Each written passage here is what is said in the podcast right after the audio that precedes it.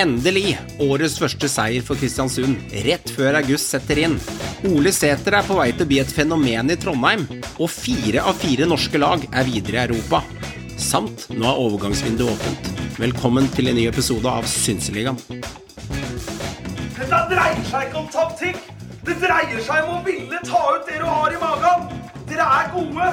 Skjønn at dere er gode. David Hansen!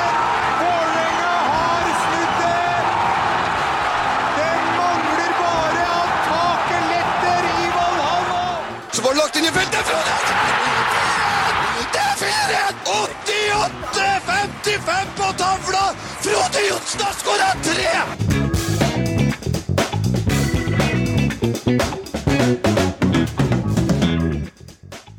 Det er så deilig, det. Nå er alle fire samla. Det er noen uker siden sist. Joakim, du, har- du har vært litt borte de siste ukene her. Litt ferie med jentungen, og litt sommerkos, og litt badeball, og noen par pils på verandaen, og hyttekos. Du har vært savna? Ja, nei, jeg, noen ganger så slår det bare til med litt eh, da, da går det ikke. Nei. Eh, Jeg har vært en tur i Sverige og vært en tur i Oslo og litt forskjellige steder hvor jeg egentlig strengt tatt ikke har hatt mulighet til å uh, spille inn noe særlig. Uh, jeg, en ting er å være med, men en annen ting er å ha egentlig ha noe å komme inn etter, for jeg har ikke hatt tilgang på noe som helst Mm. av ytterligere informasjon, annet enn å ha hatt ferie. Men det har vært deilig, det. Men jeg har nå hørt både Tom og Atta sitte her og tjatre i to episoder nå, så jeg tror ikke dere tapte så mye på det. Jeg tror nok det var en, eh, en god løsning eh, når jeg var borte. Det tenker jeg nok. Ja, ja, ja, men det er som eh, far i huset sa i det gamle eventyret, det er godt å få alle barna hjem, slik at alle er samlet. Ikke sant? Det er viktig. Så nå er alle samlet under samme paraplyen, og det er deilig å ha tilbake igjen. Og når 1. august smetter inn inne på kalenderen vår, så er alle fire samla, og et overgangsvindu som åpner, og det skal vi snakke masse om i dag. For det er mye som skjer. Men Håvard, forrige uke eh, etter Atta-episoden eh, Jeg tror ikke jeg har hatt så mye tekstmeldinger av snapper og styr av deg. Jeg sto og lagde middag her og la unger og styrte på. Og du bare Folk kom med henvendelser hele tida på alt mulig rart. Det har vært trøkk i luka på den eh, tvitringa. Ja, jeg må jo si at det har vel aldri vært så kok på Twitter og på innboksen. Og vi er til og med blitt sitert i rikspressen. Og det er en liten fjelltopp som er blitt besteget. Det er eh, både i VG og TV 2, Avisa Nordland og hurra meg rundt. Så Det er eh, veldig hyggelig at den eh, podkasten vår med Atta har blitt lagt merke til. Og vi har fått veldig veldig, veldig god respons og gode tilbakemeldinger. Og det er veldig hyggelig at det blir satt pris på den, den podkasten vi leverte der. Og, og nå er det bare å dure på videre, gutter, med deilig norsk innhold. Ja, for Meran, eh, du var jo med i starten av episoden, og så mm, gjorde vi sånn at jeg og Håvard tok praten med Atta der, og du måtte jo høre på episoden etterpå, som en vanlig lytter. Ja. Hvordan var kjenslene på det? Det var kjempefint. Det var kjempefint. Først og fremst da, så valgte jeg å lytte til den episoden ikke som Synsliga-medlem, mm. men som bare fan. Fordi ja, du Når Atta deler såpass mye som han gjør, da, Ja, ja. Først og fremst at du kan, at du kan få en så stor, som jeg sa, om ikke den største, eh, til å dele så mye og være, bare være helt chill og herlig fenomen. Og bare dele av seg, fortelle mye om yrket sitt og være så som man, som man er. Det var en herlig lytteropplevelse for min del, vil jeg si. Eh, han er veldig, veldig jordnær og fin. Ekstremt jordnær og fin. Du føler liksom at eh, fantastisk. selv om han selger spillere for store summer og hjelper norske klubber og uh, setter stoltheten i å være spilleragent, så uh, føler du han er en bra fyr, Håvard. Altså, dette er en kar du, du Ja, han, er, han, er, du, han har en sånn humble, jordnær side av seg, av seg som er herlig. Jeg tror vi må bruke klisjéuttrykket 'hel ved' om Atta. For det er han uh, virkelig. Hel ved, herlig type.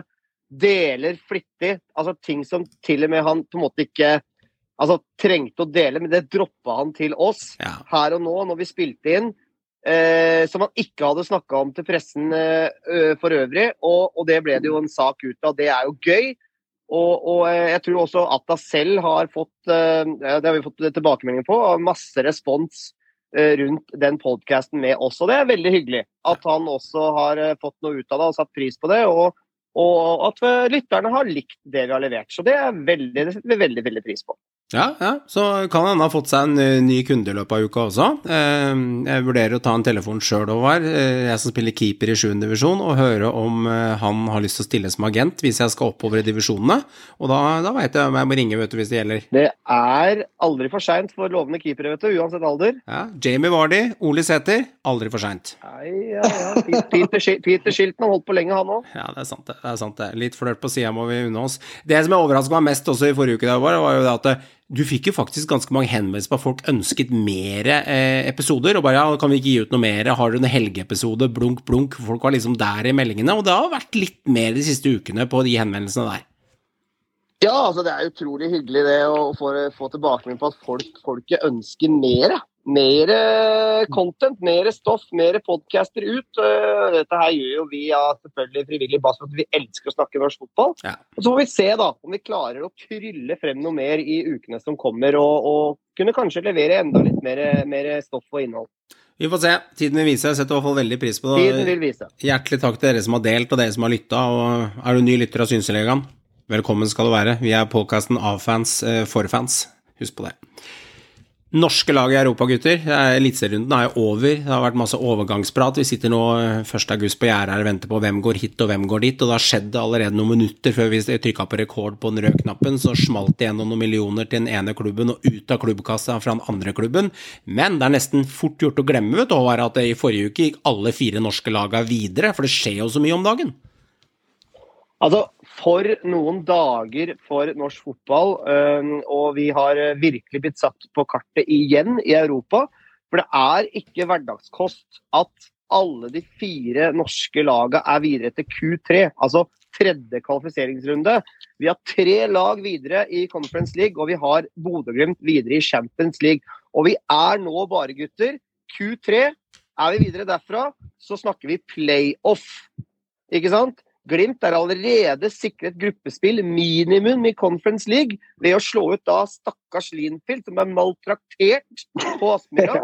Det var som å se eh, Lie Riel mot Bodø-Glimt. Jeg tror faen meg nesten vi kunne spilt jevnere. Nei, det er kanskje litt på kanten. litt, nei. Men Nei, jeg drar på litt, da. Men det var, det var, det var, det var nesten sånn det var nesten sånn jeg fikk vondt av lille Linfield. Det, Ja. det står stakkarslig ut. Og det er ganske utrolig å tenke på at Glimt presterte å tape 1-0 borte mot det laget der. Men nok om det. De, de, de peisa på, knuste dem, og er videre da mot sin eh, rival på mange måter, Salgiris.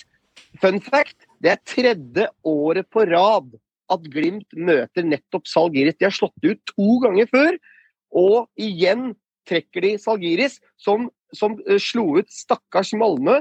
Svenske seriemesteren, stakkarslig, pinlig, flaut på mange måter. Malmö røyker 3-0 sammenlagt mot Salgiris fra Litauen, og må nøye seg med Europa League eh, Q3. Glimt er da videre til tredje runde Champions League. Og det begynner å lukte fugl på Aspmyra, et nytt europaeventyr. Og som sagt allerede sikret gruppespill. Og så har du da de tre andre laga, norske laga som virkelig også gjorde jobben. Ja, altså, og den som imponerte meg mest, må jeg uten merkelig nok, må være, må være Viking. Ja, det var digg. Det var, den, det var det som Ja, men det var det var litt den det derre altså, Det møtte absolutt det tøffeste laget av alle, uh, alle eliteserielagene. Uh, ikke bare det, men at det var det tøffeste laget. Men poenget er det er også det laget som har vært dårligst av disse lagene den siste tida. Mm. Altså de som har den mest nedadgående kurve, som ikke egentlig har som ikke har vært overbevisende i Eliteserien i det hele tatt de siste hva for noe, fire-fem serierundene, i hvert fall. Komme seg litt i det siste, men jeg Det må komme seg litt, men og så møter, du, så møter du Sparta Praha, og så klarer du å dra i land den seieren på overtid, var det det? Fem minutter på overtid. Den putta, Det putta det siste målet til Traore. Og så er liksom, og så, det, og så er det så morsomt, så jeg går inn og bare tenker liksom, forventer liksom å se at du skal pushe opp noen navn, eh, noen litt vedkjennelige navn og sånt, og så er det liksom sånn, nei da, det er Vevatnet som putter det første. Og så er Traoré på overtid, og det er litt sånn der, ja, men det, det viser at de kan, da, og trengte litt altså, Ja, Den ble i hvert fall boosta av det. Og det tror jeg kanskje er noe Viking kan være typisk lag som kan, som blir litt boosta av den alvorligheten i en sånn setting, da. eh, som den kan fungere bra i. Det jeg likte med den siste skåringa, det er sånt mål som norske lag har fått mot seg tidligere så sykt mange ganger. Jeg husker Molde mot Basel, da vi røyk mot sånn straffedrit, og Hostetten brant, og det var ikke måte på. Og så har Rosenborg ryket med et sånn tjafseskåring mot Karabakh i 2011-12, og Trond Olsen brant en på blank kasse. Jonas Svensson glei, kom en på bakre stolpe. Tabbeskåringer. Denne gangen her Apoel, ja. Apoel. Den, og da var det ett mål unna å gå til Champions League der det året der. Og eh, Molde også har gjort noe skit med tida, og det er kanskje ikke Brann har sikkert vært utfor dette skitet her òg, men den gangen var det endelig et norsk lag som utnytta muligheten på at kvalitet kom til syne, som er et synseliga-uttrykk, og så var det kvaliteten i eh, Sparta Praha som ikke var bra nok, for han bomma, Yes. og så utnytta eh, Viking-situasjonen. Det digga jeg. Største prestasjonen er det jo, er det jo Viking som faktisk, eh, faktisk har. og Det er eh, rett og slett å slå ut et storlag fra Tsjekkia. Ærverdige Sparta Praha. Og så måten det også skjer på, da, for det er jo en sinnssyk keepertabbe. Men også, eh, eller kanskje aller verst, han forsvarsspilleren som slår et elendig tilbakespill. Som da Niklas Sandberg jager på. Klarer å sklitakle akkurat foran keeper. Og så er det da arvtakeren på mange måter, Mai Traoré på Veton Berisha. Eller kanskje de henter en ny spiss, hvem veit. Men, men det er han som da setter den innbytteren eh, i åpent mål der. Og det var, sånn, det var vantro og sjokk fra Sparta Praha-fansen. Og keeperen setter seg ned og griner og hulker etter kampen. Det var, det var vi- ville scener i Stavanger. Og veldig veldig, veldig gøy at Viking klarer å slå ut et storlag allerede i, i Q2. da. Ja, og så blir det sånn, og så tenker du veien videre, da. Og så liksom bare sånn Neste lag Men det er da de går på bananskrellen, ja. for da møter de hva for? Sligo Rovers. Og det er jo sånn lag du tenker at ja, men Sligo. herregud, Sligo, Sligo. Rovers. Her skal de, her Sligo skal de, Rovers. eh, her skal de bare rulle over dem og gå enkelt videre. Så jeg, jeg håper jo de gjør det. eh, At de tar dette til seg, den kampen der. Men det er jo et sånn type sånn bananskall hvor du ryker mot det etter å ha slått ut Sparta bra. Liksom. Det, den ser man komme. Og så hadde vi jo da Ja, men- Molde. Ja, sorry, Meran, kjør du. Nei, nei er Ja, enig, Og så hadde vi jo da, Molde. og så hadde vi jo da Molde, og det syns jeg også var et deilig oppgjør. At de, de rett og slett feier over Elfsborg. Altså det, er- det, er- det, er- kattens lek med musen over to kamper. Full kontroll i bortekampen. Vinner, kontrollert. Feier over de hjemme. Det kunne vært eh, 5-6-1, som jeg er inne på sist da, når, når, når, de, når de knuser dem på hjemmebane. Og så vinner de kontrollert i bortekampen. Og, og det, er, eh, det er klasseforskjell rett og slett mellom Elsborg og Molde. Eh, og så har du da eh, LSK som, som vinner da 5-2 på Åråsen og egentlig valser over SJK Seinajoki fra Finland, som ikke heller hadde, var i nærheten av å, av å klare å, å slå ut LSK. Jeg blir veldig veldig, veldig, veldig spent nå på neste runde i de norske lagene. Viking da, som du nevner, Joakim, møter Sligo Rovers fra Irland, som slo ut Motherwell fra Skottland. Et lag som uh, på mange måter var store favoritter mot nettopp Sligo Rovers. Eh, med, med, med han godeste eh, eks-Mjøndalen-stopperen bak der, med, som jeg alltid glemmer navnet på, som spiller stopper på Motherwell. Eh, oh, ja. Hunky-Tunky-boyen fra, fra Bærum der, Meran. Eh, Sondre Solholm Johansen. Sondre Solholm Ja. Johansen, Yes. som er stopper på Motherwell. Eh, Sligo Rovers slo ut nettopp de. Og så har du da Molde, som møter et, et lag som egentlig veldig veldig få som jeg ikke kjenner, fra Krishnada fra Ungarn. Som, som på mange måter skal, mener jeg, være walkover, men hvem, hvem vet, i Europa. Og så har du Lillestrøm, som møter absolutt tøffeste nøtten med Royal Antwerp Ja. fra Belgia. Det er en eh, kvalitetsmotstander som det kan bli tøft Ja. for gutta fra Åråsen å gå videre med. Men du veit aldri i Europa. Norske laget er i flyt. Vi er blitt satt på kartet igjen i Europa. er deilig. Det er Kisvarda FC, det har jeg aldri sett Ja. et norsk lag ha trukket før. Eh, så den Aldri. Jeg har sett eh, Royal Antwerp, tror jeg. Tidligere Sligo Rovers veit jeg har sett. Men, Ja, men, det var men ikke Kisvarda. Og eh, Fugla flyr høyt eh, oppe i, oppe i Bodø, Håvard. Det, er- det er som vi blander litt sånn Lillestrøm opp i Bodø-Glimt-dansen. Begge er gule, og det er litt morsomt. Men da de sier i nord, vet du, Håvard når, de- når de skal eh, Det det er feirer feirer motstanderen av banen med tannbørsten.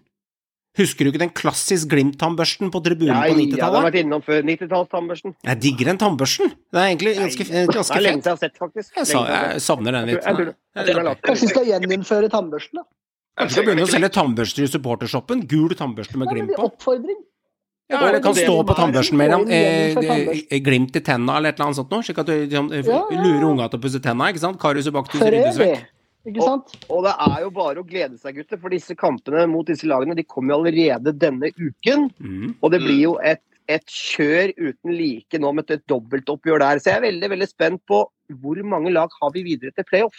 Klarer vi alle fire videre til playoff? Det. Det hadde vært sjukt. Da- Det hadde vært en drøm. Ja, og Bodø-Glimt spiller onsdag, eh, så det blir korrekt. Da vil vi spille Bodø-Glimt onsdag eh, med den utsatte runden Kristiansund-Tromsø. Da spiller den klokka seks, og Bodø-Glimt starter mot Sagiris på Aspmyra klokka seks på onsdag.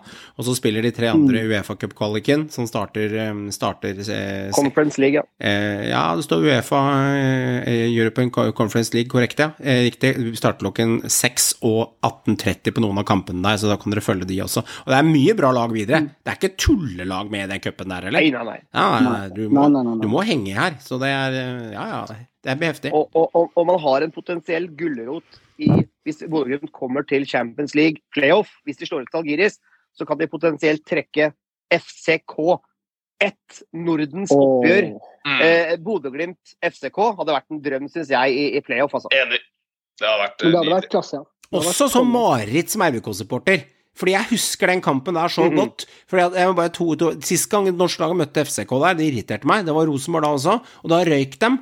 Og det, den kampen der så glapp de med en 1-1. Det var Hans Kjær eller hvem som skåra. Jeg tror det var faktisk han som spilte der, eller en eller annen de der eh, midtbanefreserne til eh, Og da glapp Statsgaard på ballen. Chris Datsgaard, veldig god stopper, men han, ballen spratt i bakken over han, og så kommer med en sånn Sleipnes-heading, og vi mista den. Og da husker jeg Bakenga hadde to i stanga på Lerkendal det året, og da leda Rosenborg 1-0. Og det var det, da han breaka RBK, så hadde han to i stanga. Vi kunne avgjort den, men vi klarte heller ikke å gjøre nok i de matchene. Irriterende. Så får de Københagen, få dem ut, fei de vekk med tannbørsten. Det er bare å Oh, yes. dunke de av gårde. Det er så enkelt. Men Bodø-Glimt hadde en kamp i helga òg, gutta. Eh, møtte Ålesund. Eh, vi har snakka om Ålesund tidligere, og litt skryt til dem også. Det er et vanskelig lag med Eran å bryte ned, uavhengig om du spiller på hjemme- eller bortebane, for de taper sjelden stort. Det gjorde de heller ikke i denne kampen. Tapte 1-2. Eh, og ja, det er, du skal ta de poengene også. Bodø-Glimt de kobler seg på. Glimt er i stimen nå. Ja. Og jeg er enig. Ålesund skal ha skryt, fordi de er et vanskelig lag å møte. For alle lag. Ekle. Ja, glimt, Veldig ekle å møte. Glimt Veldig ekle. Men jeg, men jeg føler at jeg, jeg har ikke lyst til å friskmelde dem ennå. Glimt, fordi da, jeg føler jeg jinxer det. Men, men okay. hver gang Nå føler jeg at nå er de endelig i gang, så får vi se hvordan det blir. Men, men Mm. for min del nå Glimt er gode, altså. Og de, de, er, de er solide nå. Eh, det må jeg si. Jeg, jeg, jeg ser noe som jeg ikke har sett på en veldig god stund. Og det, du ser at det er samhold der. Du ser at nå, nå, nå jobber de i samme retning. Nå, nå har de et Mm. klart mål, og de har en klar plan når de går utpå der. Og intensitet. Så Mm. Glimt nå, Det- spennende. Jeg det- tror den vil fort være med helt opp i toppen nå. Framover. Jeg er enig med han. Jeg føler det er noe som er i emming i, i, Yes. i, i Bodø. Det begynner å lukte litt, uh, litt fisk eh, fra Bodø nå. Det, det, det uttrykket der, det likte jeg. Det, det likte jeg. Det begynner å lukte litt fisk i Bodø nå. Eller vi kan bruke en annen enn Håvard. Vi skal bruke litt mer som meg uttrykk. Det begynner å ulme i Saltstrømmen. Ikke sant? Det kan vi også bruke. Den er fin. Men før vi skal snakke litt om eh, potensielle, potensielle overganger, for det har skjedd litt i Bodø siden sist vi, vi, vi, vi var inne i studio her. Eh, jeg vil trekke fram en spiller som har virkelig imponert meg. Og jeg tror også det er en spiller som vi bare kommer til å se mer og mer og mer og mer fra fremover. Og jeg tror savnet av Ola Solbakken det tror jeg blir minimalt. Fordi en spiller som har virkelig imponert meg den siste tiden, det er Joel Mbuka. Ja. Altså, for noen ferdigheter den gutten besitter. Mm. Altså, det er helt vanvittig. Sånn som han herja mot Lienfield, han herjer mot Ålesund. Han, han har levert målpoeng i flere kamper på rad nå. Eh, litt, eh, han, må, han må skåret flere mål, men sånn som han serverer sine lagkamerater, måten han setter fart på, utfordrer, drar av folk Vi har ikke sett det siden Sinkernagel og Jens Petter Hauge. Og, og også og Ola Solbakken eh, i, i Europa, som var outstanding. Men Jolem Vuka, der har de en ny diamant. Bergenseren Jolem Vuka. han begynner virkelig å vise seg fram. Det er et spørsmål til han, for jeg sitter med samme erfaring når jeg har sett matchene her også. Spesielt det ene målet til Glimt, da de spiller over eh, midtbaneleddet til Ålesund. Og så går de rett i bakrommet til Muka, som har farten, og den beregnes perfekt på vekting fra Brede Mo, og så setter de, eh, setter de hjem eh, førsteskåringa der.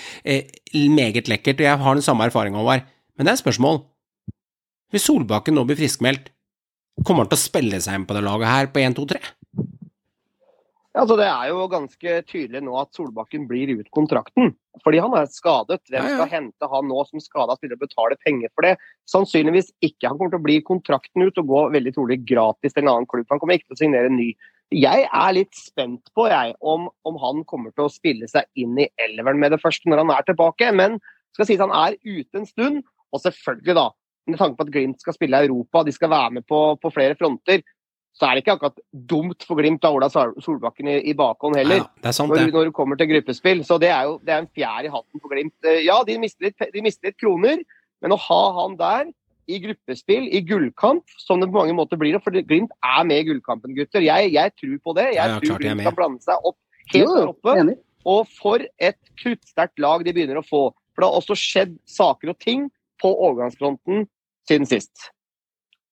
Altså det, dem er jo, altså det som er med Glimt nå, er at de kommer seg så fort uh, opp. Og de har brukt den lille perioden hvor alle andre lag, med unntak da litt av Lillestrøm, som har holdt litt koken, så har alle lag tapt seg litt. grann. Molde og Lillestrøm har fungert, selvfølgelig. De tar de poengene de skal. Men så har de klart å komme seg opp der. og det er jo som du, Men det er samme som før, da. Og da er poenget jeg er helt enig med deg, Håvard, i forhold til at altså, vi veit det. altså Knutsen lar ikke folk bare komme rett inn på banen igjen. Når han har en elver som fungerer, så har han jo en tendens til å bruke den elveren. Og han bytter bare ut når han må, eller pga. en eller annen en eller annen kamp føle han han trenger noe annet. Og Det er derfor jeg tror at Solbakkens vei inn vil være kanskje som du er inne på, da, altså europakampene. fordi der er kanskje mer trygt å bruke den eh, pga. litt sånn mer, han har litt mer erfaring på toppnivå da, eh, enn Mukar. Og at du heller bruker han i de kampene, at måte spiller seg litt inn i laget på den måten. Og når du da får opp en ny en, som en Vuka, så er poenget om han går gratis, eh, Solbakken, eh, etter sesongen. Eller nå det blir januar, gjør det ikke det? Jo. Ja, når han går gratis da, så er poenget. Ja, ja, men du har jo en ny spiller du kan selge senere, da, som du sannsynligvis kommer til å tjene minst, minst like mye penger på.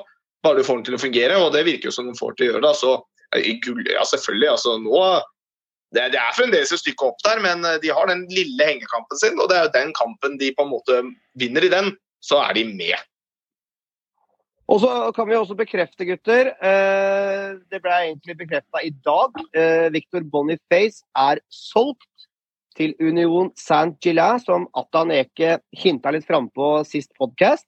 Han, han går for eh, i eh, overkant av 20 millioner til den belgiske da andreplasslaget, som faktisk eh, også skal spille da europakamper nå eh, as we speak.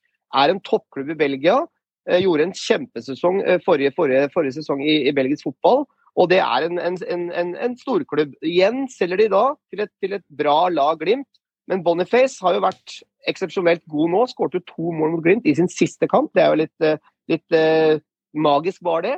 Eh, og så er det da Lars Jørgen Salvesen som er henteren som erstatter. Han er jo selvfølgelig da klar. 13 millioner, voksen sum for en spiller fra Strømsgodset, det, det må sies. Men en, en, en, det er en proven signering. Det er en god signering av Glimt. En spiller som, som er er ekstremt god i presspillet sitt, og jeg, som jeg tror også kommer til å passe inn bra i Bodø-Glimt og Kjetil Knutsen og måten han tenker fotball. Det er jeg veldig veldig spent på å se, hvordan, hvordan det vil funke med Lars Jørgen Salvesen på topp. Han kommer til å være førstevalg. Espejord vil spille annenfiolin, det føler jeg meg sikker på. Det er det ikke noe tvil om engang. Altså, ellers hadde Espejord spilt mer enn det han har gjort nå hittil i år også. Eh, jeg deler deg helt. Altså, altså Dette er positivt for alle parter. det jeg ser. De får 20 mil for eh, Boniface, som for så vidt er en helt fair sum. Han har vært god, ja, i det siste. Han har ikke vært noe stønning eh, gjennom sesongen. Har ikke vært, har ikke vært noe kjempegod for Glimt over tid.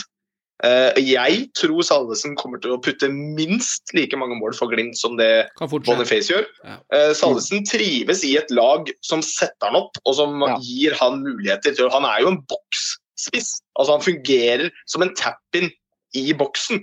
Så når du har gode spillere rundt deg som skaper ting, så kommer Salvesen til å Mm. skåre mål. Eh, Så han kommer til jeg tror han kommer til å være en veldig god signering for Glimt. Selv om selvfølgelig jeg som god supporter skal være veldig fornøyd med 13 millioner. Eh, Det er en voksen sum og absolutt opp i toppen av der vi kan forvente å få for en eh, godsespiller. Er noen kasse med Ås Pils 13 mil, altså? Så, Det er ganske mange. Det er ganske mange, så, og jeg sier at altså, Boniface har et råpotensial, og grunnen til at de tar, tar 20 millioner kroner der, er jo fordi at det er disse to skadene da, på korsbånd som gjør at det, Han kunne vært solgt for 60 hvis han hadde herja og eid den nieren her og scora 2-23 mål. Det kunne han, men klart ryker korsbåndet en gang til, så er han verdt eh, 4000 om termos, og det har ikke Bodø-Glimt lyst til å sitte igjen med i postkassa. Og da, eh, Derfor så skjønner jeg at 20 mil er godt betalt. Så det er sånn kalkulert risiko, som man sier i aksjemarkedet, så de har gjort et smart valg der. Eh, Det jeg liker ved Sollesen, det er Du kan si hva du vil om Boniface, med at han er stor og sterk og han er maskin, og dette her er en spiller som kan braute mye plass, men som link-up-spiller så tror jeg Salvesen er en bedre link-spiller på klikk-klakk, hei og hå, se medspillere og forstå helheten i spillet. Eh, råskapen er ingen tvil om at Boniface er bedre, men eh, link-up-spilleren Salvesen underprata. Meget god, har høyere alder som vi prater om, den er helt grei. Men det skjer mye i Bodø-Glimt, Håvard. De har gjort noen eh, valg nå de siste ukene. De har henta to spennende tilskudd som er litt ukjent Bodø-Glimt-stil, og en av dem eh, er en sårt tiltrengt plass, nemlig på bekken. Ta oss gjennom det. Ja. De har henta et ungtalent fra Tsjekkia. Leo Kuber er klar på langtidskontrakt. 18 år. Eh, kommer fra belgisk fotball, Sint Truiden. Eh, ikke spilt A-lagsfotball, men er da også en aldersbestemt landslagsspiller fra Tsjekkia. Dette er nok et, et, et type prospekt som Glimt eh, ser på fremover i tid, men, men er altså da 18 år og er en offensiv back eh, venstrebeint, som Glimt da mangler på mange måter i sin tropp, siden de spiller med Abris Mangomo høyrebeint venstreback. Så dette er nok en spiller som skal fases inn, da, sannsynligvis. Og så har de signert en meget spennende herremann med Nino Sugei fra Slovenia, fra Maribor. Eh, U21-landslagsspiller for Slovenia, har herja i den slovenske ligaen. Dette er en spiller de blar opp for. Voksen sum for Glimt å være, 10 millioner fra Maribor. Eh, en spiller som har vært ettertrakta av flere klubber, og han har signert i dag for Bodø-Glimt. Så de har bladd opp nå over 20 millioner for Salvesen og, og, og nevnte Sugei. Og, og Kuber står det ikke noen overgangssum, jeg er litt usikker, men, men i hvert fall tre spillere på vei inn. Og i tillegg til da litt glemte Julian Faye Lund, som også nå er klar for spill, så tror jeg også det kommer kanskje enda flere spillere inn på Aspmyra. Når du henter 13 og 1 til 10, der oppe i 23, og så legger vi på 4-5 for han eh, sistemannen der, der oppe i 27 og 28, 30 millioner kroner, Joakim. Det er et signal å sende til de andre Ja. eliteserieklubbene, for det her er ikke vekslepenger. Det er litt sånn derre, ja, jeg skjønner at du er med å spille fotball og spise kirsebær med de store, men eh, gutta, vi bare henta tre spillere i overgangsrunde. Det er ca. 30 millioner kroner før vinduet helt tatt er over. Ja, få litt penger inn for Boniface og sånn, men det er et styrke, dette, Joakim. Ja, også, men det er jo det du så jo det i overgangen med Salvesen. I, I begynnelsen var det rykta var det jo Molde som var ledende der, og da var det rykta i underkant av 10 millioner, altså 8-9 millioner rundt i det punktet. Eh, og Glimt, det de gjør da, og det er jo litt den derre altså Når du er den klubben da, som er per nå, så er de jo ledende økonomisk, for de har spart seg opp så uhorvelig mye penger via Europa og spillet de hadde i fjor. Og gode spillesalg, ikke minst. Eh, Og, og, og, og mange gode spillesalg. Så de har jo et, en veldig sterk økonomi. Og det de gjør da, er jo at da vi, de viser jo det. At Poenget er at ok, dere tilbyr det, ja, men vet du hva, vi bare, vi bare legger til 30% på deres sum, vi, og så bare tar den fra dere. Og så er det jo litt den tingen da, sånn som du er inne på når du er inne på Sugei, da, den nye her. altså, ikke sant, Dette er, dette er en krydderspiller, som Håvard ville putta det. Dette er en krydderspiller. Men vi vet jo også at de fleste krydderspillere i Eliteserien eh, de ender opp som salt og pepper. Altså det, de ender opp noe som alle lag har og ikke har bruk for. egentlig. Eller Du har bruk for det, men du bare, de, de piffer ikke opp laget ditt allikevel. Skjønner? Men når Glimt henter den, da har jeg med en gang litt sånn Ja. Har, Altså, Hvem er det som hadde hørt om Sinkernagel før han kom til Glimt? da? Ja, ja. Ingen. Ingen ingen visste hvem det var. Men du skjønner at eh, de har Ja. mye tanker bak de de henter. Mm. Både etablerte og unge. Så eh, jeg er veldig spent på dette her. Jeg tror ikke Han går ikke rett inn på laget. liksom. Altså, her er det over tid som skal fases inn. ikke sant? Ender Men jo- kjøpe krydder og ender som chili explosed, den der typiske Ja, ja. krydderet når du kverner, Ja. vet du. Når, du får den der chilifølelsen i, i munnen. Du, oh shit, hva var dette for noe? Den kyllingen her smakte litt bedre enn jeg trodde. Men skal jo selge flere. Så det er klart de må få opp noen 18-19-åringer og bygge dem inn og få dem inn i Mm. systemet. Eller dem senere. Det sier jo seg selv. Men jeg, men jeg skjønner tankegangen din, Johan. Fordi vi er litt naive av natur som, som fans. da. At vi tenker shit, dette er mye penger for Glimt å bruke. Men så må vi ta i betraktning at bare allerede nå i de euro europakvalkampene Glimt har hatt, så har de allerede tjent inn de Ja de har brukt nå på to spillere, og så får de inn 20 bare for Boniface. Altså, jeg tror Glimt har så mye mer penger enn hva Ja. vi egentlig Meran, faktisk tror, i er hvert fall helt, i forhold til hva jeg jeg er helt liksom. enig med deg. Altså, jeg, Jeg er helt enig med deg. Jeg er helt enig med det deg. er, men det er helt ville tall. De Men jeg syns bare det er så signal. Det er bare så signal, og så de bare, ja, ja. de bare smeller i bordet. Det er, det er liksom ikke noe tull, liksom. Og- Det er, det, de og- lurer liksom og- ikke på noen ting. Og tatt Nei. i betraktning at den største overgangssummen de har brukt før disse her, det var Hugo Vettelsen fra Stabæk på 7, 6, 7, 8 millioner. Kanskje ikke så mye engang. Ja, Kanskje 5, 5, 6, et 7. Det. Ja, 5,1. Det, det er dyreste spilleren før dette her. Ja, Så da må man ta det i betraktning. Det er dobbelt sum over det. Ikke sant? ja. Men vi må ta en, en syk ting til, og det passer seg å ta nå siden vi er innom Molde. Jeg må ta den her nå, for det passer seg sånn. Christian Eriksen, det har vært en ellevill dragkamp i dag for å få denne spilleren klar til europakampene som kommer allerede den, disse, denne uken. Og, og Først ble det meldt at Christian Eriksen var klar for Bodø-Glimt etter sesong. Fordi at HamKam ville ikke selge til konkurrent, fordi at de var redd for å rykke ned hvis de mista Christian Eriksen nå i sesong. Christian Eriksen selv, fly forbanna, vil til Molde, vil slutte i barnehagen, vil vekk fra Hamar. Det sa han jo om Rosenborg òg. Det sa han om Rosenborg òg. jeg, jeg, jeg, jeg digger han som han sier, men jeg må tenke på min egen karriere. Jeg vil til Molde, jeg vil spille i Europa, jeg vil kjempe om seriegull. Bla, bla, bla. Så kommer Kim eh, Glimt og kupper nærmest overgangen og skal ha Eriksen eh, etter sesong. Det er akseptert av Kamma. 7-8 millioner akseptert. Men så ombestemmer Glimt seg. De vil ha han allerede nå. Og så blir det meldt først på TV 2 fra Arillas. Klar for Bodø-Glimt, står det. Glimt har kuppa overgangen fra Molde, står det først. Ellevill ellevill kamp mellom to førende laga i norsk fotball de siste årene. Og så blir kontrabeskjed, bare noen, kanskje en halvtime etterpå. Molde har vunnet kampen. Han, han råmelder, da. Han tar en råsjanse her. Ja, ja, ja. Men altså, nå, nå bare legger jeg det fram, da. Ja, kult. Smelt 15 mill. i bordet. Totalpakke 15 mill. Christian Eriksen. Han blir trolig, trolig, trolig klar for Molde kanskje allerede i kveld, eller as we speak akkurat nå. Men det er veldig store indikasjoner på at han ender opp på Røkkeløkka. Og for 15 millioner, han kan styre største salg gjennom tidene. Mjøsas Beckham, Petter Wagamon, 10 millioner, det var største før dette. Han kommer til å ende opp i Rosenhus by, og da går til Molde. Det er en fjerde hatten for Molde. Men er det verdt det, gutter? Det Ja, annen det er en diskusjon. Og Joakim, dette her altså, Nå har de brukt nesten 30 millioner på de tre, de to eh, utenlandske der. Og så uh, kjørte vi i tillegg eh, han uh, siste, Salvesen. Eh, og så ender det med at eh, de er villige til å gi 15 millioner kroner eh, Bodø-Glimt også, 13 til 15. sted. Nå ender de i Molde. Så Bodø-Glimt var jo klar de bakka på å bruke 45 mill. i det overgangsvinduet her.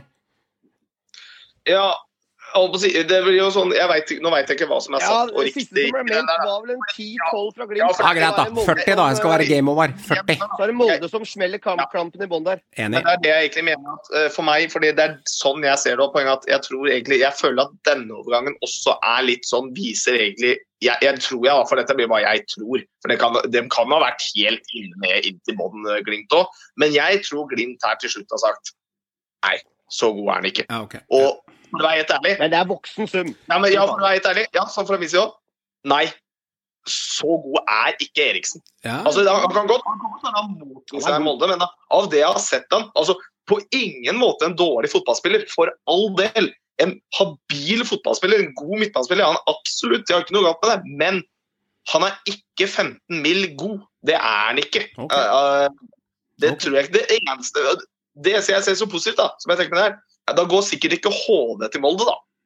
Det er en fin ting. Man kan ha med seg Eriksen istedenfor, det er greit. Da kan vi være trygge på det.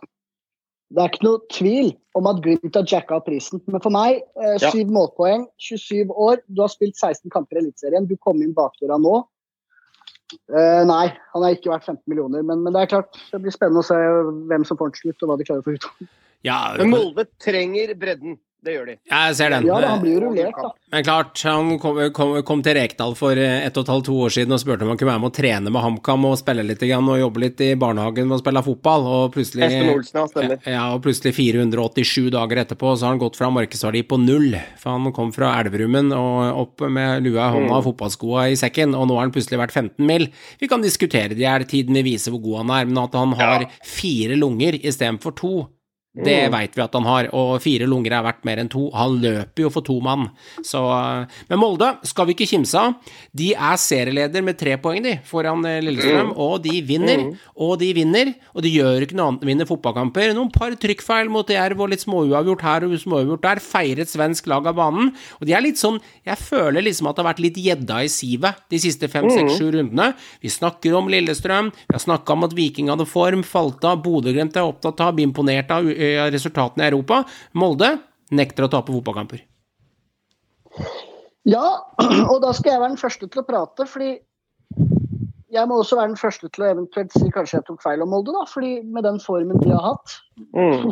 de får, meg til å, de får meg til å spise ordene mine, det er ikke noe tvil om det. Syns Molde mm, har overraska meg. Jeg trodde ikke de skulle være så stabile, for å være helt ærlig. Spesielt ikke de siste fire kampene der. Mm. Så, så det har overrasket meg. Eh, Det er nummer én. Nummer to er de ser skremmende gode ut. Eh, Og så virker det som at det, det gjorde dem godt, nesten, å ha det skadefraværet som de hadde. Nå kommer jo alle tilbake. Jeg tenkte det her skjærer seg. Nei. Enda bedre. Så, så Molde mm, De får tipset mitt til å se skrøpelig ut. En spiller som også virkelig begynner å skinne nå, sammen med Datro Fofana, det er jo Rafik Seknini, som har vært i dvale i flere år. Altså, For en skåring mot Godset. Og mot Elsborg også var han outstanding over to kamper. Eh, Et, et, et, et, spisspar med vanvittig fart med Rafik Seknini, som har fått blitt en rein spiss nå, sammen med Datro Fofana. Og så har du plutselig Ola Brynildsen i miksen der, som er tilbake og har skåret i to kamper på rad som innbytter nå. God, altså. God. Eh, Så, så plutselig er Ola der òg. Så har du en eh, mann med fire lunger, Christian Eriksen, som skal inn i miksen der også. Eh, Det begynner å lukte svidd eh, på Aker stadion, det må jeg si. Og, og det skal inn flere spillere på Røkkeløkka. Det er det, det, er, det, er uten enhver tvil. Det kommer flere inn der. De fikk jo dessverre nei fra en stopper fra Danmark, James Gomez fra Gambia, Gam, Gambias landslagsstopper. Klubbene var enige om overgang. Overgangen strandet, for spiller selv sa nei, han ville være, bli værende i Horsens og Danmark og, og se an mulighetene i vinduet senere. Så den stranda på at spiller selv sa nei. Klubbene var enige om en Jeg tror det var snakk om faktisk oppi en 15 millioner for denne stopperen fra Gambia. Uh, og den stranda dessverre for Molde sin del, men nå har de da sannsynligvis, veldig sannsynlig, landa Christian Eriksen, da. Ja, og det- er jo det lille, den der lille problemet da, for eh, en klubb som Molde og Glimt. Eh, også Glimt, faktisk, er jo det at altså spillere som på en måte spillere, i hvert fall spillere som kommer fra andre land eller andre land, verdensdeler, det skal litt til å overbevise dem om å dra til en bitte liten by på Vestlandet i Norge, eller en, eller en bitte liten by oppe i Nord-Norge. De må liksom ha noe å spille på ekstra der for å få dem inn. da. Så Det, sant? det er en sånn typisk overgang. Men det jeg syns er mest spennende nå, og det skal jeg si med en gang, det som er veldig spennende nå, er det at jeg, jeg begynner å bli veldig spent på avslutningen, altså den siste halvdelen av denne sesongen. her, fordi har du liksom Altså, Du har Lillestrøm, de er fremdeles gode, og de tar Ja. fremdeles poeng. De er gode. Du har Molde som har ja, altså, De har jo vært gode hele sesongen, men det er først nå liksom, man har merka at oi, shit, de, de tar jo de, nå, nå er de virkelig med.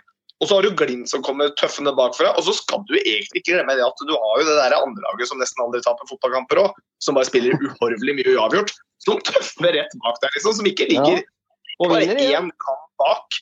Så liksom, så har du fire lag, da. Men nå avskriver jeg egentlig Viking. eh, fordi jeg, de, jeg, dem er ikke stabile nok. De kommer til å falle ut. Så det blir de fire, tror jeg, som ligger oppi der. Men det kan bli veldig spennende innover i sesongen nå, eller utover når vi nærmer oss slutten. Så spent mange som er igjen mot slutten der.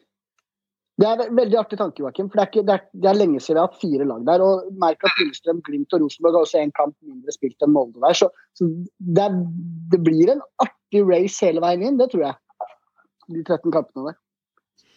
Godset så jo ikke ut til å ta sjans på eh, røykeløkka i det hele tatt. Eh, Det, så ut som det var helt tafatt der, og, Tokstad starta jo som spiss, som jeg skjønte også. Men eh, altså, Salvesen er borte, det er greit. eh, Og Fred Friday linkes jo linkes visse dager andre steder. og Braut Brunes er jo mannen som eventuelt skal komme inn der, som det ryktes om. Det er kun av sterk lita link. Ja. Eh, LSK har jo henta nettopp Jonathan Braut Burnes tilbake fra lån. Den har de benytta seg av, den opsjonen på å hente han tilbake i sommer. Det har de gjort. Men det er ikke for å bruke Braut Burnes som erstatter for eh, dessverre skadede Acker Adams, som kommer til å være ute en god stund. Det er trist for han, som har hatt en kjempesesong. Han er ute lenge. Men LSK kommer til å hente en annen spiss, og det er ikke Braut Brunes som de kommer til å bruke da. De kommer til å selge han, og veldig trolig til Strømsgodset. Det sies at det er enighet om sum. Spillerne er ikke presentert, men det er godset til alle Solmerk som henter Braut Brunes på en langtidskontrakt, som kjøper han ut, som erstatter da for Lars Jørgen Salvesen. For du kan ikke spille eh, med Kristoffer Tokstad som spiss. Det så vi jo tydelig på Aker stadion, det var blodfattig. Så det kommer en spiss inn i Drammen, og det tror jeg blir Jonathan Braut Brunes, uh, og som har bøtta inn mål i Obos. Det er jo spennende, Joakim, hva denne mannen kan levere. Ja, altså, dette er jo, altså, Denne her har egentlig ligget litt, i hvert fall litt latent da, på um, sin side. og sånt, Så har det vært diskutert litt fram og tilbake, for her er det jo hiv og røre. ikke sant? Altså Salvesen forsvinner, og det er jo krise, for vi mister jo en spiss. Uh, Friday har jo vært fryst ut helt siden han eh, viste veldig dårlig treningsmoral over to treninger og ble kasta ut av kamptroppen til Godset. og Etter det så har han egentlig vel Som jeg har skjønt, han har ikke vist noe interesse av å komme, bli med i en kamptropp igjen. altså Det er rett og slett bare Han Han- jeg. han, han godtok ikke å Han har blitt sidelina av Salvesen i år, og, og så fikk han den, og da gadd han ikke mer. og eh, det som, på en måte, det som det går i, da, som det har vært sagt eh, egentlig to og en halv, ja, nesten to uker nå, helt siden denne Salvesen-krigen begynte, er at Godset egentlig har en spiss allerede klar. Som, som kommer inn med en gang Salvesen selges ut. Ja, det luktes Så, litt av. det, så, det, så, så dette virker som at det er noe som har gått. Og det har også vært rykta at denne spilleren kommer fra Obos og har hatt vist seg fram med målpoeng i Obos i år. Og det er klart da, Du kutter ned en god del muligheter, da, og det sier seg selv at dette her er um, Bunes er en av de som på en måte virkelig har stått fram som et, et godt uh, navn. Uh, og jeg syns jo det er altså, Det er jo spennende. altså Dette er jo en typisk godssignering, egentlig. Dette er veldig sånn Mm. typisk. altså Vi henter en spiller som har skåra en del mål i Obos, som kanskje er litt sånn av og på, ikke putter hele tida. For Mm. han skårte vel Han har vel skåret 85% av målene sine de første åtte kampene, eller sånn, tror jeg. Stemmer. Ja. Stemmer. Men, men han, han veit hvor målet står, da. Uh, og det er spennende. Men vi pleier jo å ha et kvote her i Synseligaen at uh, dette må vi bare slutte med. Det er jo du som fant på, Joakim. Jeg har, ledd, Ja, ja. jeg har ledd mye av det for måten du sa det på. Jeg sitter og ser det i videoen når jeg prater med deg samtidig, og vi spiller inn podden, så, så er måten du bare sa det på, er bare så legende. Men en ting du bare må slutte med Ja. Åh, deilig stillhet. Det var sånn lite, lite øyeblikk vi hadde der. Det er at vi- det, vi kan ikke si Brunes her. Nå har vi endelig fått en, lit, en lita minibraut i Eliteserien. Da må vi, ja. da må vi utnytte en litt, litt, litt av minibraut her. Altså, det, det høres mye er fetere ut. Tror du ikke minibrauten satte inn to på bakre stolpe i forrige hjemmekamp? Tror du ikke minibrauten eh, kjøre, kjørte en eh, hodestups heading? Det, det er mye fetere. Det høres mye mer opphøyd gal- gallionsfigur ut. Så Brunes det er ingen, ingen, Ikke sant? Ordentlig. Vi må, ikke sant? Vi må Mann med fire lunger. Captain America. Minibraut. Ikke sant? Vi må eh, Løven fra Singsaker. Ikke sant? Vi er nødt til å på en måte trøkke gjennom og selge inn produktet, Joakim. Ja, så for å si det sånn, Jeg er helt enig, og jeg blir jo skuffa hvis ikke det, han blir eh, presentert som godsspiller, og det, og det ikke står Braut bak på drakta. Ikke sant? Ja, ja, ja. Da har du ikke jobb, da har du ikke jobb i den drakteavdelinga etterpå, hvis du driter deg ut der. Bruk navnet du har, liksom. Altså, det her, du, bare sett litt frykt i motstanderen med en gang. Bare vis at OK, her er det noen i min familie som har ligget med noen rundt hans familie. Så det er noen gener som er splisa her, bare så dere veit det. Ja, ja. Så det er noe likhetstrekk her, så pass på. Ja, ja, er fin. Det skal sies også Sum-gutter. Jeg har fått uh, hørt det fra en del uh, ja, litt kilder her og der, at det er faktisk såpass lavt som vil jeg si er såpass lavt for en talentfull spiller som har bøtta inn i Obos. Tre-fire millioner snakkes det om. Oi! Eh, det- faktisk, At det er summen som godset betaler. Uh, så er det mulig at Lillestrøm har en veldig god sånn videresalgsprosent, uh, kanskje. Men, men det, det snakkes om at det faktisk er summen godset betaler. Og, og så får vi se, da. Jeg syns det hørtes litt lavt ut, med tanke på at Ja, jeg hørte jeg noen rykter tidligere i sesongen om at han var på vei ut òg. Så jeg, jeg syns det der var litt rart. Og så syns jeg det er rart også at Lillestrøm velger å selge da for 3-4 millioner. Det må jo ligge noe mer bak i så fall, som du er inne på. Ove. Ja, han har rett og slett ikke De har bekrefta det. Han, har, han kommer ikke til å bli værende. Han kommer ikke til å trene med laget. Han øh, hadde nok litt holdninger i fjor når de øh, Han aksepterte ikke helt å sitte på benken i fjor og fikk ikke sjansen etter at han kom dit fra det var vel Hødd i, i sin tid. Har egentlig aldri fått sjansen på Åråsen. Og, og det er ikke noe god kjemi mellom spiller og klubb, og her er det på en måte et salg som er rette veien både for spiller og Lillestrøm selv. Og jeg tror at Lillestrøm, siden vi er inne på LSK nå, de kommer til å hente inn en annen erstatter for Accor Adams. Og den gamle helten, sønnen til Tom Bukken Gulbrandsen, Fredrik Gulbrandsen, trener med LSK i disse dager, har gjort det i lang tid, er klubbløs. Jeg tror det ligger litt i korten her nå at den gamle helten Fredrik Gulbrandsen, han blir mannen som skal skyte LSK til gull. Han tror jeg blir henta på kontrakt ut året. Eh, Det er min spådom. Ok.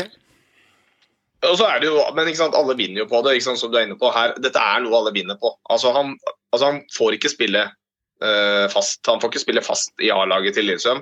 Han kommer til å spille fast uh, på godset, Ja. så, le så lenge han han. ikke viser seg å være helt udugelig med en gang. Så, så kommer han til å spille fast, og da får alle det med. Og så får LSK noen penger på bordet. Så jeg ville tippa rundt fem hvis jeg skulle tippa. Men tre-fire, hvis det stemmer, så er jo jeg soleglad. Da har vi jo litt penger i banken nå, og det trenger godset, så det er helt greit. Vi får se, vi får se. En ting jeg la merke til i den kampen, eh, Sarp LSK, gutter, 0-2 der. eh, da, Sarp bekymrer meg litt. Eh, vi skal se med Sarp-øyne.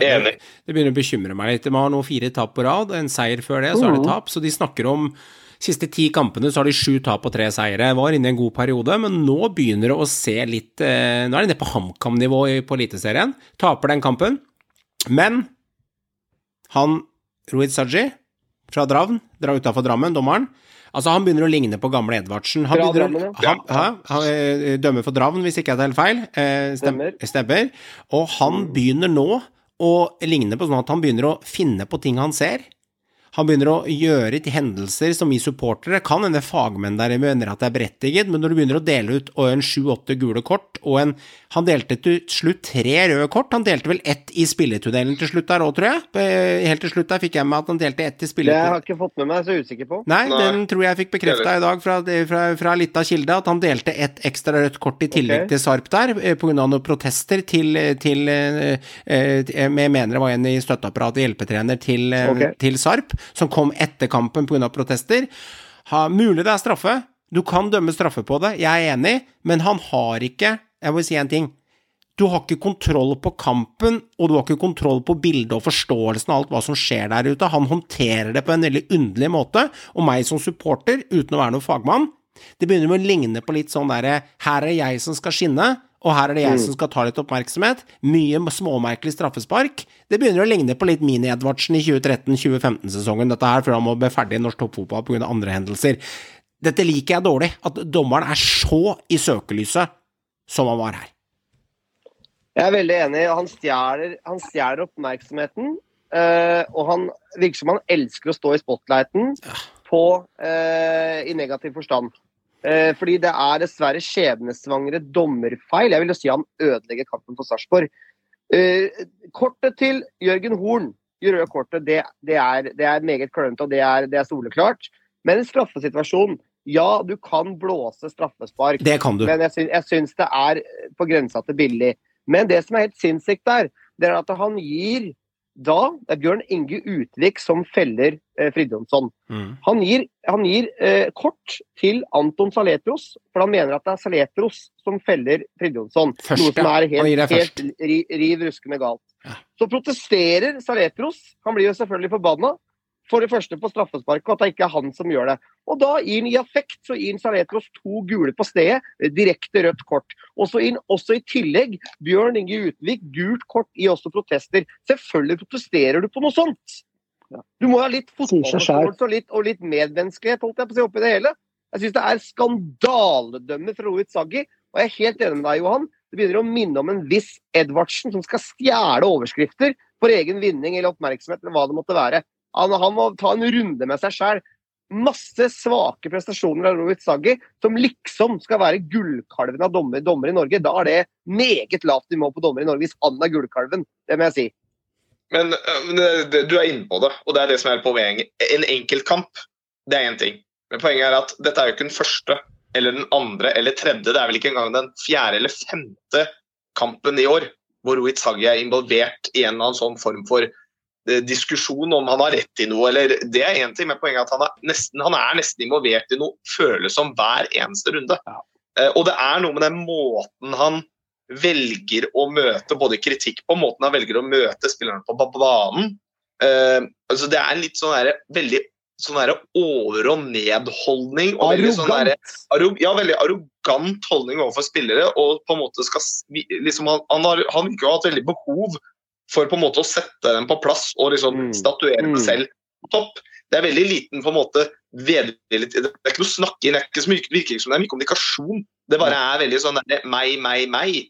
Eh, så, så kampen sett helt, da, sånn på siden, da, så, så, så du begynte med da, du begynte med Sarpsborg, Johan, bare for å skyte ned med en gang, at uh, jeg er helt enig, Sarpsborg begynner å vakle noe voldsomt. Det er skummelt. Og etter Det den. Og gode, egentlig ganske gode innledningen Mm. av Mm.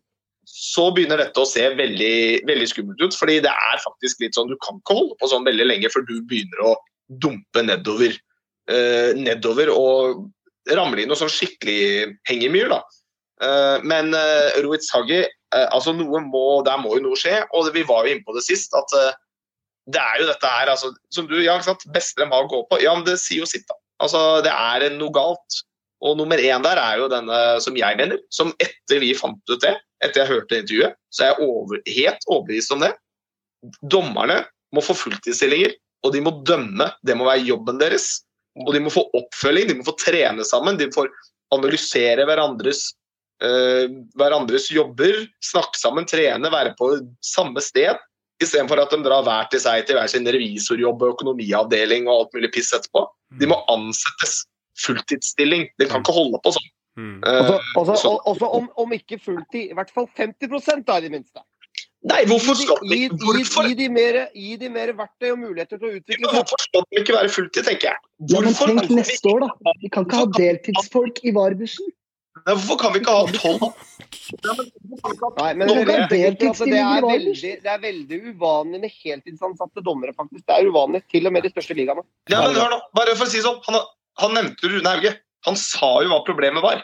Mm. Problemet er at de er deltidsansatte. Han sa det jo rett fram i intervjuet. Ja, men da må du fikse det, da. Ja. Og fikse det. Da gjør du dem heltidsansatte. Det er bare legend-kommentar fra Merando som har vært opptatt av dommere siden jeg har kjent mer han siden du var eh, veldig ung med han. Så har vært veldig opptatt av at de, de, trenger en plattform til å trene på. Det til har å kunne- hjertesak. til å kunne bli bedre. Det har vært en hjertesak, du har bare fått uttrykt det tydelig nok. Men den LAN-ideen som kom for to-tre uker siden, og folk har begynt å kaste seg på, den begynner å smøre seg mot, mot, litt mot din ånd og hva du har meldt i mange, mange år. Så det er kudos til deg, Mirando, for det er veldig riktig. Men jeg elsker den legendekommentaren. Vi kan ikke ha deltidsansatte i VAR-bussen. Bare smak på den. Det. Det må de slutte med. Og det som Lars Arne Nilsen var, var inne på, det er nettopp det. Hvordan skal disse klare Det er de samme folka som skal håndtere VAR. Ja. Hvordan skal de klare å håndtere VAR på en god måte? Det kan jo bli enda mer kaos Ja. på svarte svingene. Det kan jo bli helt latterlige tilstander. Det er derfor du ikke kan ha Det sånn deltidsansatte over i VAR-bussen. Hvis det er de samla suppegjøkene som skal styre dette her. Ja. Men jeg må si Sarpsborg. Det må jeg sies. Jonathan Linseth, siste kamp. Solgt til CSK Sofia. Han er ferdig. Blir ikke savna. En- Blir ikke savna. Han blir savna. Han blir ikke savna i Eliteserien hans noen stjerne. Han blir glemt. Jonathan Linseth, meget undervurdert spiller. God spiller. Om to år så kommer ikke jeg til å tenke tilbake på han hvis ikke han han dukker opp et prestert- quiz-spørsmål. Han har prestert, han har prestert eh, var veldig god i fjor har vært eh, solid for Sarpsborg over mange sesonger. Men de har henta en erstatter, eh, Sarpsborg. Og, og eh, Billborn bruker sitt svenske nettverk nok en gang. Den gamle eh, Brøndby-legenden, for han er faktisk legende i Brøndby, Simon Tibling, er henta nå på kontrakt i, i Plankebyen og signert eh, lengre kontrakt. Dette er selvfølgelig et bekjentskap fra Billborn. Har en eh, god karriere i dansk fotball. eh, vært i, i andre eh, ligaer som den belgiske toppdivisjonen. landskamp for Sverige. Han er direkte erstatter for Jonathan Linseth. Simon Tybling han er klar allerede nå as we speak. Så han eh, blir en spennende bekjentskap. Så får vi se da om den der svenske linken på midten der med Nguali, Saletros og nå Simon Tybling, om det kan få fart på saken. Og ikke minst Molin på topp, som også må begynne å skåre snart. Mm. Det er jo et halvt svensk lag snart ute på, på, på Sarpsborg kunstgresset nå. Jo, en ting er bare så spør, fordi det som er liksom det, Linseth, da, som jeg liksom er med han da, Poenget er at han skårer jo litt mål. Ja, han er god. han. Det gjør jo ikke Han er ok, han er ok, han Linseth. Ja, men Tivling skårer ikke mål. Tivling har skåra 14 mål hele sitt liv. Han har spilt to, over 200 kamper. Gjorde det bra i Brøndby. Da er han god. og så har det vært Han skåret ni mål på 89 kamper. Ja, Altså, han, er, han er ikke målfarlig, men altså, han kan Nei, godt være Ikke god. fryktelig. Ikke Men han er ikke fryktelig målfarlig, han fyren der. Nei, nei, Eh, det er det ikke. Men han kan sikkert være god på han. Han, det, er jo et nytt begrep han har lansert nå siste. Ødegård-pasninger, er det ikke det? Når du er tredjemann på Når du er liksom tredjemann, du får Stemmer ikke assisten, du får det, men du har en Ødegård-pasning. Han, han kan være god der. Det, det blir jo et spennende bekjentskap med denne Tibling, da, som har en Ja, ja. bra karriere i spesielt dansk fotball, da, og, og kommer nå fra Randers. Der han var med å spille eh, ja, i Europa med Randers i fjor i det Mm. danske fotball. Så vi får se om han kan heve Sarpsborg. Mm. En spiller jeg, har litt glemt de siste åra, gutta. Um, før jeg nevner han, så uh, Hedret Lillestrøm, dere tar en sliteseier. Uh, og sier siste ord om Ruiz Arja. Det kan hende Ruiz Arja på de kortene, de 10-12-13 kortene han kjører ut her, og tre røde og en 7-8 gule og hva det er, nøyaktig antall kort, det er grek å småtelle opp, det er, det er over ti. Det kan hende han har rett i 90% av disse korta.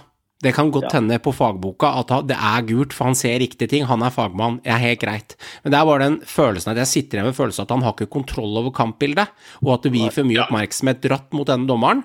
Eh, Og når jeg som supporter når Rosenborg skal ha hjemmekamp eller bortekamp, så går jeg og sjekker at ikke jeg har Saji som dommer. For jeg er nervøs, for at da veit jeg det kommer til å skje noe faenskap. Da har det gått for langt. Det er alt jeg vil si om det. Og det, og det jeg skal ikke sjekke dommeren. Jeg skal ikke vite hvem dommeren er. Jeg skal møte dommeren, jeg, på lokalbutikken på Kiwi i køen, uten å kjenne han igjen. Da har han gjort en god jobb. Men Saji han er jo mer kjent enn eh, kjent enn, eh, sjaman Durek snart, ikke sant, i Fotball-Norge.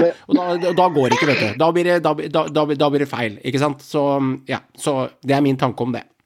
Men så var det jo glemte helten vår, da. Kjeksen sjøl. Pål André. Ja da. Som Ja, ja. satte straffesparket, vet Den er du. søt, den. Han stja- Han stjal straffesparket. Han gjorde Han skulle, få- han skulle i spotlighten igjen. Vet du, Håvard, han, hø Straffespark han hørtes ikke på det vi kommer litt tilbake til etterpå med Fantasy her, med at jeg snakket om skåringer versus målpoeng. Kanskje han hørte på poden og tenkte her må jeg pynte litt på resultatet? Ja, ja, nå må jeg passe på at jeg ikke blir helt glemt der, og så tar jeg det straffesparket. Han satte den sikkert da, Pål André. Det gjorde han. Han har en god fot. En meget god fot. En Ja gudegavefot. Det har han. Det har han. Men det er andre ting med han som vi har tatt tidligere. Eh, en spiller vi har liksom glemt litt i overgangsvinduet her, som plutselig kom litt fra, lyn fra klar himmel. En spiller jeg mener er litt underprata i norsk fotball, som også gjorde en god figur for Rosenborg, som kan være et gulltrekk her fra Lillestrøm, og det er godeste halvkjedelige Marius Lundemo, men det er en spiller som jeg mener er litt underprata, og gjør ganske gode matcher, kan spille offensivt, kan spille defensivt, og i verste fall kan de trekke han ned som stopper hvis det blir krise i klubben. Alvendelige spillergutta. Ja, det er en solid eliteseriespiller. Det, det er en spiller som, eh, som har eh, Ja, han gjorde sine saker bra i RBK. Var jo ikke Ja, ja. helt fast på laget, men eh, altså bevare meg vel. En, en habil, god midtbanespiller i eliteserienivå. Det tror jeg Lillestrøm får inn, og ikke minst altså en, en tidligere LSK-spiller som, som på mange måter Han er jo Bærum-produkt, men har jo hatt en, en karriere i LSK før, før han gikk til, til Lerkendal. Um, og, og jeg tror at dette her er en bra og trygg signering av LSK. Eh, det, det føler jeg meg ganske sikker på, som kommer til å på en måte pushe eh, eh, den kampen på midten enda mer. Da. Det er ikke sånn at han kommer til å spasere rett inn på laget her. Men, men det er en trygg og god signering av LSK. Det, det, det, det føler jeg meg sikker på kommer fra kypriotisk fotball. Da. Han godeste Marius Lundbo nå. Men det, det setter, setter litt, begynner å sette litt presedens òg, syns jeg. At det man kan begynne med nå, hvis man lurer på hvilken midtbanespiller LSK skal hente neste gang, så må du bare gå og se hvem som på en måte ikke får spille veldig mye på Rosenborg, og en som liksom ligger liksom litt bak. Og så tenker du bare ja, der er han. Han kommer til LSK. For nå begynner det å balle seg litt på her, liksom, med den midtbanen. Tenk deg midtbanen, tenk om alle tre får spille samtidig. Da er det liksom sånn derre tre av fire spillere på midtbanen som på en måte er eh, gamle Rosenborg-spillere. Mot Rosenborg. Og det hadde vært nydelig, ass. Det, det håper jeg de får til.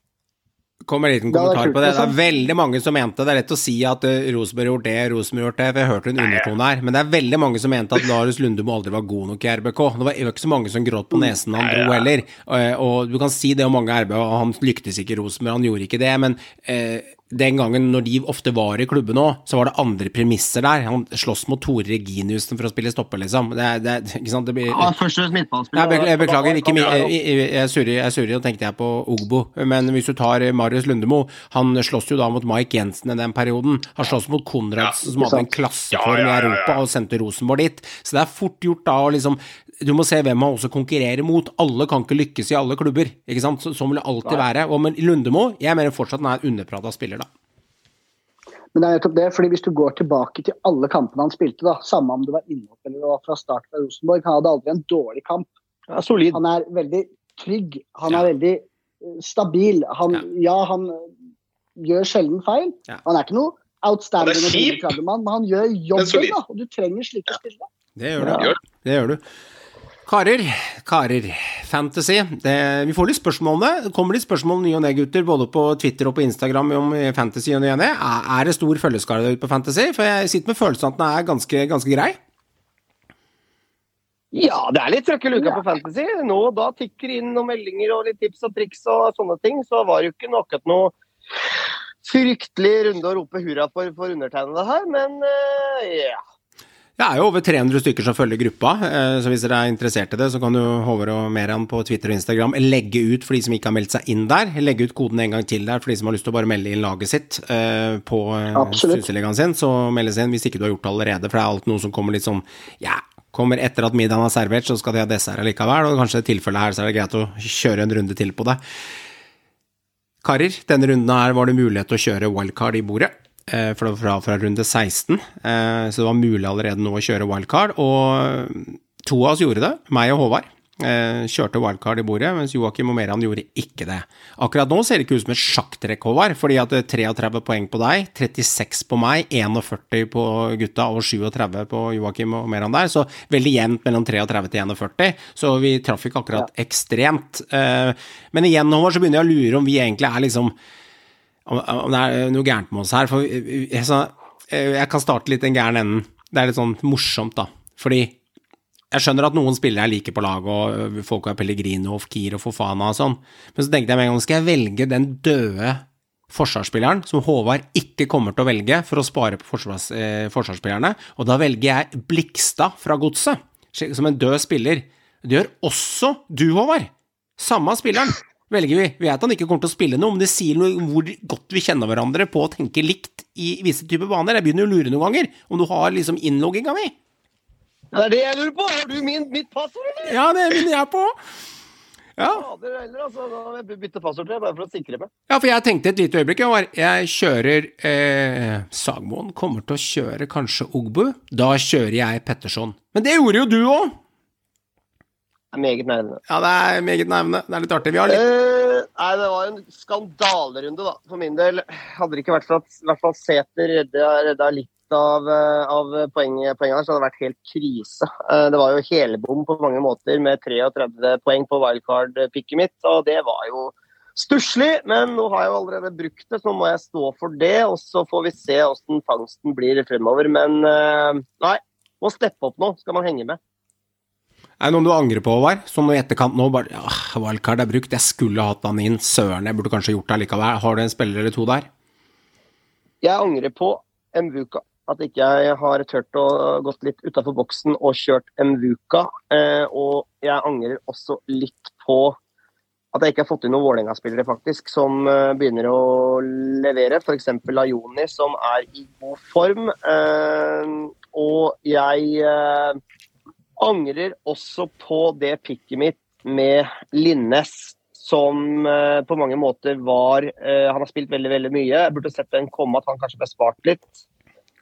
Uh, ja. Så det er, og, og at jeg står også videre da med, med, med Øvre Tveit, så vidt jeg vet, i, i mål i buret. Uh, det er dårlig, dårlig valg. Ja, mye, mye å smagre på. Øresveit stemmer. Men vi får se. Jeg har jo mye potensielt der, da. Det må jeg si. Da er det interessant her, da. Vi tar litt og ser litt på det her. Så er det sånn Linnes er fire minutter unna å få clean shit, for han spiller 56 minutter istedenfor Mm. 60. Så du blir jo rana for fem poeng sammen med meg på grunn av han tar seg litt for tidlig. Han er en god spiller å ha, levert godt. Jeg angrer litt. Jeg fikk 36 poeng, du til 33 der, så det er dødt løp mellom meg og deg der. Vi er dødt løp sammenlagt òg. Eh, vi er foran de to andre her, men du har 9,34, Håvard, og jeg har 9,31. Så det er, eh, det er tre poeng som skiller oss. Jeg kjørte Mvuka. Det gjorde jeg, så jeg har han på laget mitt. Eh, Jeg kjørte Petterson og Ogbu, men jeg klarte å kjøre Adams, dessverre, som fikk skulderskaden der. Og så har jeg Fofana, som mange har, og så tok jeg Salvesen, for jeg tenkte han skulle spille i siste kampen, og avslutte med et brak, og tok en råsjanse der. Eh, Men jeg burde hatt Sæter. Jeg var dum som ikke gjorde det, for han er jo en, han er jo en slange, han favoritten i, i Trøndelag der. Han er en luring. Og det, der tok du Sæter, Håvard. Mens jeg kjørte en buka, og det gjør at vi er nullstilt. For at du velger Du velger min mann, da, som jeg er Rosenborg-supporter, mens jeg går for en buka og tar sjansen, så det er litt sånn æh, Ikke sant? Jeg var jo ganske sikker på at nettopp du skulle ha Sæter, så jeg tenkte han må jeg i hvert fall ha på laget mitt. For han tror jeg kommer til å score, og det gjorde han jo. Så Ikke da Ikke sant. Joakim, eh, Joakim, 41 poeng. Du vinner runden av oss fire. Wow. Nei, men det er det som er, da. Jeg hadde tenkt å skyte inn nå først. Ja. Poenget er at dette her, vi har jo litt spenning igjen. For det er jo ikke ferdig. Nei. Fordi du, fordi du får ute Utover Jensen for Salvesen, Ja. og han spiller mot Kristiansund. ja, det gjør han. Mens du har jo By, Håvard. Sant, By har jo du på laget og han skal spille der. Ben, ja, ben Ja, Og jeg er Westerlund fra Tromsø. Ja. Så alle vi har Ja, en spiller. Og du har en, så vi har liksom en spillertid som Ja. kan gjøre litt sånn derre altså, øh, Johan, du kommer jo sannsynligvis rett opp i min poengsum bare så lenge Yttergård Nei, jo, Jensen, var det ikke det? Jo. Jo, jo. Så lenge han spiller den kampen, Ja. Så er jo du sannsynligvis oppi der bare på grunn av det. Det er sant, Men de- men klart Yttergård Jensen er tre poeng, og så han legger ikke akkurat sju assist og åtte skåringer i gutten her i løpet av et år. Altså, Det kan jo hende Bendik Bye fiker inn en Kan være. Det kan skje. mye gjort. Det Men kan skje. laget eh, så er det jo eh, Ja, altså jeg gadd ikke gjøre så mye. Jeg tok noen minuspoeng for å få inn Fridtjonsson. Eh, det, det var for så vidt greit gjort, for han, i hvert fall, han gjorde jo noe. Eh, han putta jo. Skåring er Og fikk sist. Skåring er sist. Eh, ellers så er det jo gode gamle, altså gode gamle drageren Dragsnes. da. Ja. I Han går det jo ikke an å ta ut. altså Han leverer jo hver runde. Vestlund fikk jo et clean shit. Hvis han klarer å få det mot KBK også, så er jo mye gjort. Men så er det jo igjen, da, og det er jo det samme som skjer hver gang. så Det er jo jævla kapital. Altså, når Fofana spiller 84 minutter, var det vel mot Godset på Aker stadion, og de vinner 3-0, og så er ikke Fofana involvert i noe som helst. Mm. Mm, Det er. Det er liksom sånn den Jeg kapteinen frustrasjonen. jeg, satt, jeg satt før runden og tenkte Vet du hva, skal jeg velge en annen? Fordi alle kommer jo til å velge altså Du er jo idiot om du ikke velger for faen som kaptein. Altså, da er du jo idiot. Ja, jeg De skjønner. De kommer til å vinne. Godset har vært dårlig siste tida. De kommer til å vinne og sannsynligvis vinne stort. Men så gjør han ingenting! Mm. er det forbanna kapteinen. Hadde det vært Fridtjonsson, så hadde det vært en grei runde. Eh, Men det er den som surrer, da. Det som er interessant, da, det, det er det som er så magisk dette spillet her, da, fordi at Fofana kan være en spiller som er off i to-tre kamper, sånn som Berisha kunne være, og så plutselig fiker han inn to-tre skåringer, og han som capper han da får 35 poeng, ikke sant, eller 28 eller noe, og det kan du ikke ta sjansen på, for da er du eh, avseilet dette spillet her. Og så får jeg skade på Akor Adams, ender med ingenting. Nei, men det er Joakims fordel, for han kjørte Fridjonsson, ikke sant, så du får jo fordel av mitt tap, og dette er jo det som er litt av magien med hele dette spillet her, som gjør at det blir jo ekstremt frustrerende. Merando, Ja, ja. Merando, du er sist av oss. Ehm, Ja, ja, det er Hvordan ja, det? jeg syns du runda det opp bra, det. Ja. Nei, altså jeg gjorde et par tabber jeg òg, da. Jeg, eh, jeg sto lenge mellom Sæter eller Ruud Tveter. Og så valgte jeg å gønne på med Ruud Tveter, faktisk. Um, hele midtbanen min flopper. Mm. Ofkir, Pellegrino, HV, Vetlesen. Det er kun Oppsal med seks poeng der, og som har en kamp til gode. Ellers så er jeg jo utelukkende fornøyd da, med, med, med forsvaret mitt med Ogbu og Dragsnes. Mm. Eh, Litt lite poeng på hvem Bangomo der, men, men jeg står litt i sånn Jeg føler at jeg har et greit lag, samtidig som jeg føler jeg står i ingenmannsland. Mm. Eh, Jeg føler at eh, angrepsrekka mi, den sliter. Der må jeg få Molins ut, der må jeg få Adams ut. Ruud Tveter, skal jeg liksom fortsette med han? Hvor mange minus skal jeg ta? Jeg tok fire minus før runden, faktisk. Så det Nei, jeg stanger litt. Det er ikke enkelt. det. Det er ikke enkelt i det hele tatt.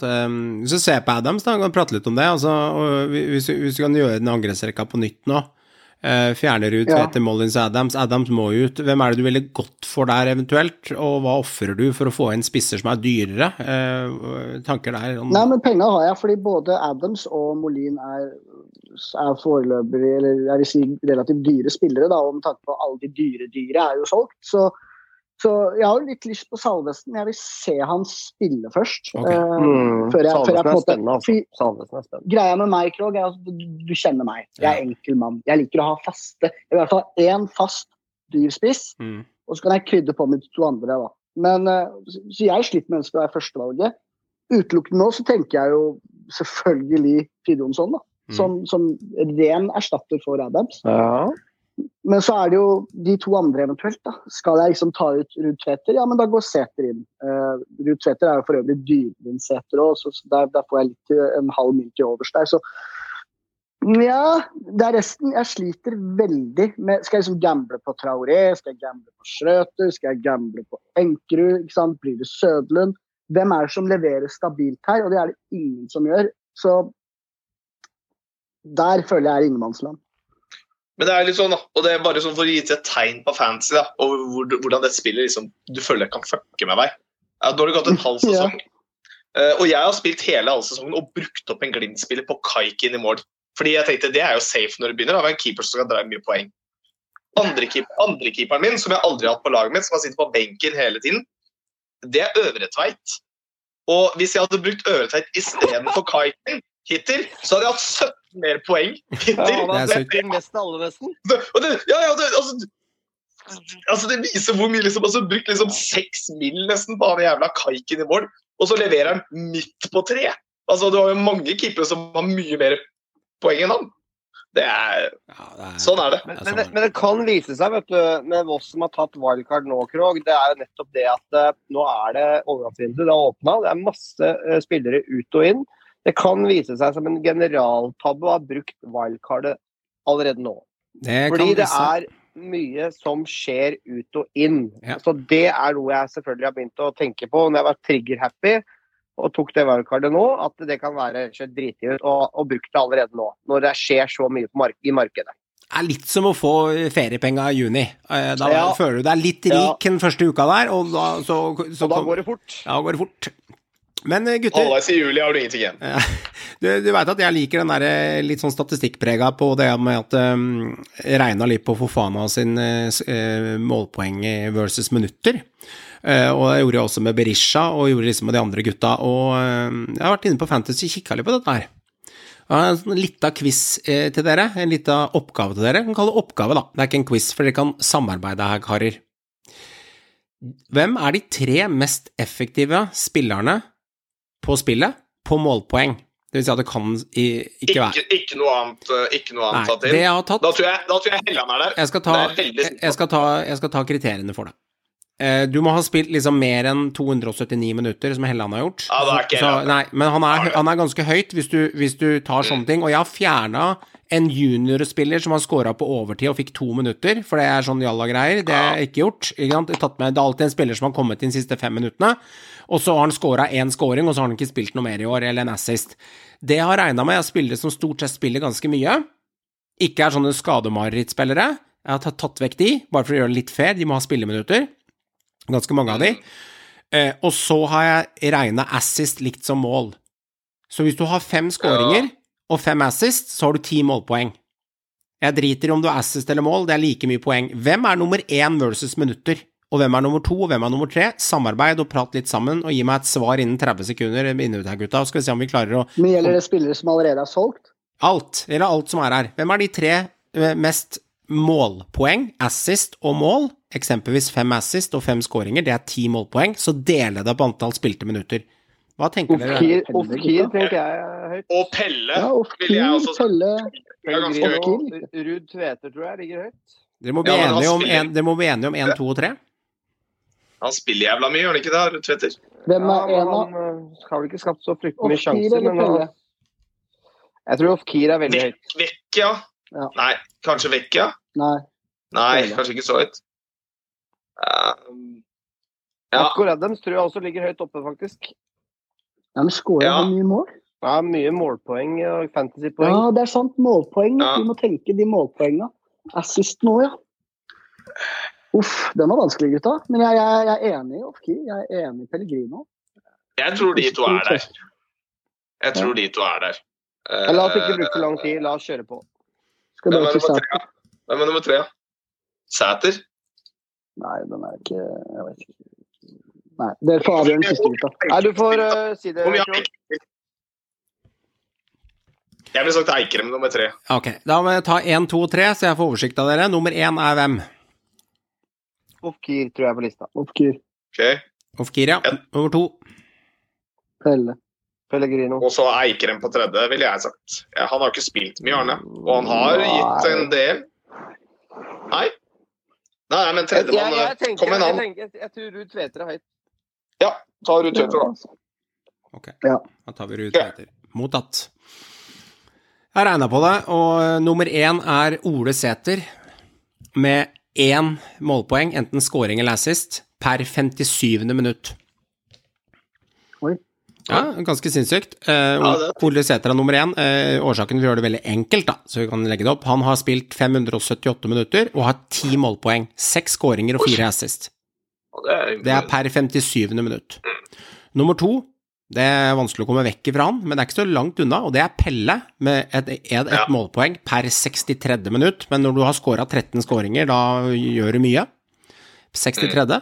Og nummer tre er Vecchia med ja, Vecchia, du, med- ett målpoeng Begge ble nevnt. Per 74. minutt. Så det er 57 spiller så jævlig 57, 63 og 74. Man skal være litt klar over det, enten man setter opp laget sitt eller ikke. Nå er Vekka skada ute. Sæter har jo ikke spilt mange 90 minutter, og Pelle er jo en fast plass på laget.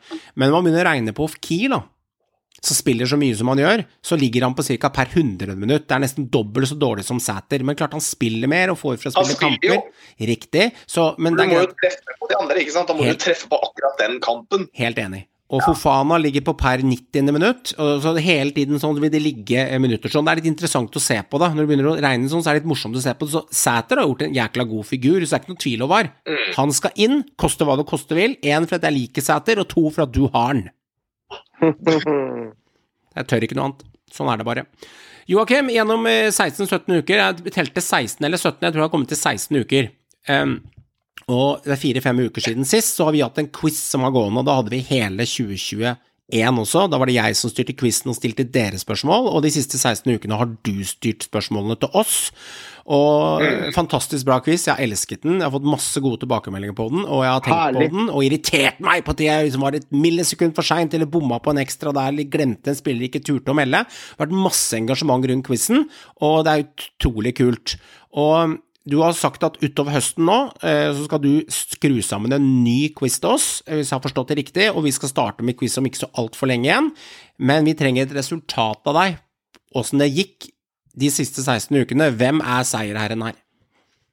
Ja, jeg tenkte du skal få et resultat, og så skal jeg gå en liten sånn Kan jeg få en sånn bitte liten, ikke mye selvfølgelig, for jeg skal ikke få lov til å sitte og trene på sida før quizen begynner, Nei, men sånn, det. bare sånn lite hva jeg tenker om det neste, da. Ja. Eh, resultatet, det, det er vel ikke noe hemmelighet, da. Eh, Håvard ledet vel hele veien, og han avsluttet også på topp, selv om eh, Johan ga en grei kamp, vil jeg tørre å påstå.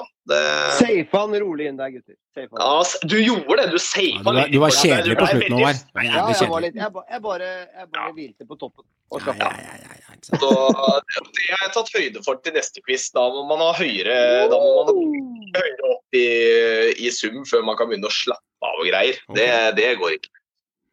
Eh, Men eh, du endte på 233 poeng til slutt. Mm. Eh, Nå ble jo poengsummen korta ned midt i, og så ble det plussa på med en annen, for jeg måtte regne annerledes. Men eh, Ja. det blir uansett korrekt. Og Johan endte på 187, så la, skal vi bare la deg forbigå i stillhet med han. Bare si du endte sist. Nei, jeg er stolt Nei. av mine minus. Ja, bra. 41 poeng. I'm not ashamed. Okay. Nei, ja, men det er bra, det.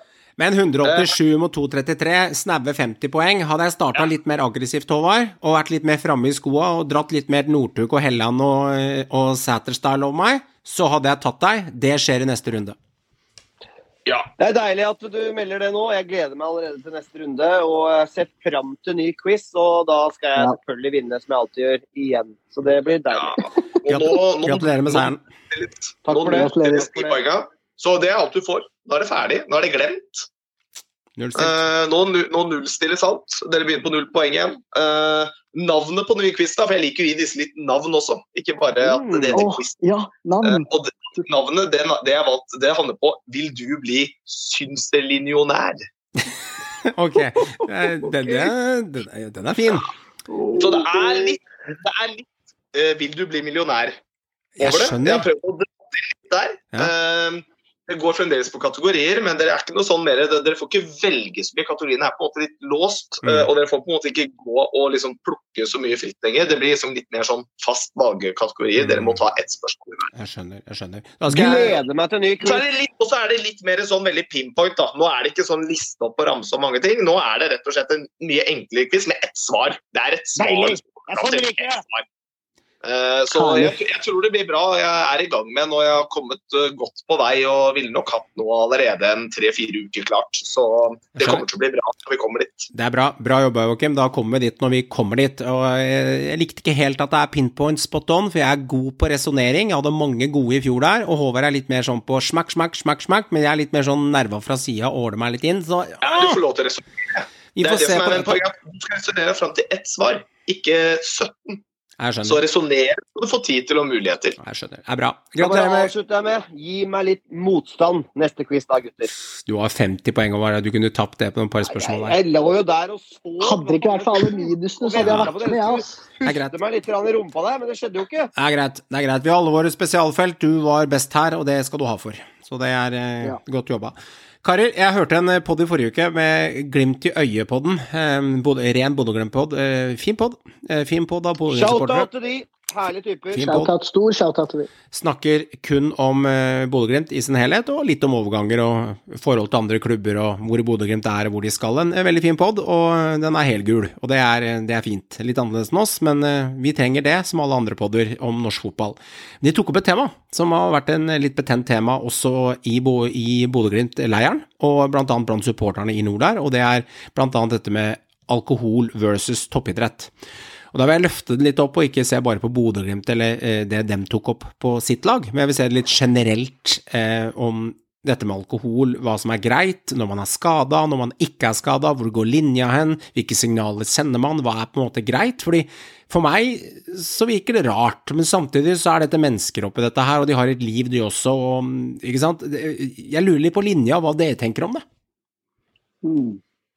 Ja, altså jeg har lyst til å starte med det du sier om mennesker, for jeg tenker at det er ganske viktig. Og jeg tror den derre Cristiano Ronaldo-metoden, den derre å liksom skulle dedikere hele livet ditt uh, til øh, helse og kosthold, eh, det kan godt være det fungerer for noen, men jeg tror ikke det fungerer for den jevne eliteseriefotballspiller. Uh, Det er klart de skal få lov til å ha et liv, uh, så for meg handler det ikke så mye om altså Det handler om mengde, det sier seg selv. Det handler om tidspunkt, ikke minst. Altså Det er noe med ferie, det er noe med frihelg, det er noe med treningsfri. At du har Det åpner seg muligheter, da. eh, Som er en mulighet eh, for å gjøre det. Men ikke minst da, så handler det om eksponering. Eh, Det er på en måte det jeg ser på som den mest liksom, klareste ting man må fokusere på. da. Jeg, jeg tror ikke det er heldig, eller jeg veit ikke er heldig, for en idrettsprofil å være børstings på byen i sitt lokale stamsted. Eh, Det er en uheldig signal å sende. En, en Bodø-Glimt-spiller bør ikke gå på fylla i Bodø, samme som en Godset-spiller bør holde seg for god til å dra på sett midt i Drammen sentrum og drikke seg full.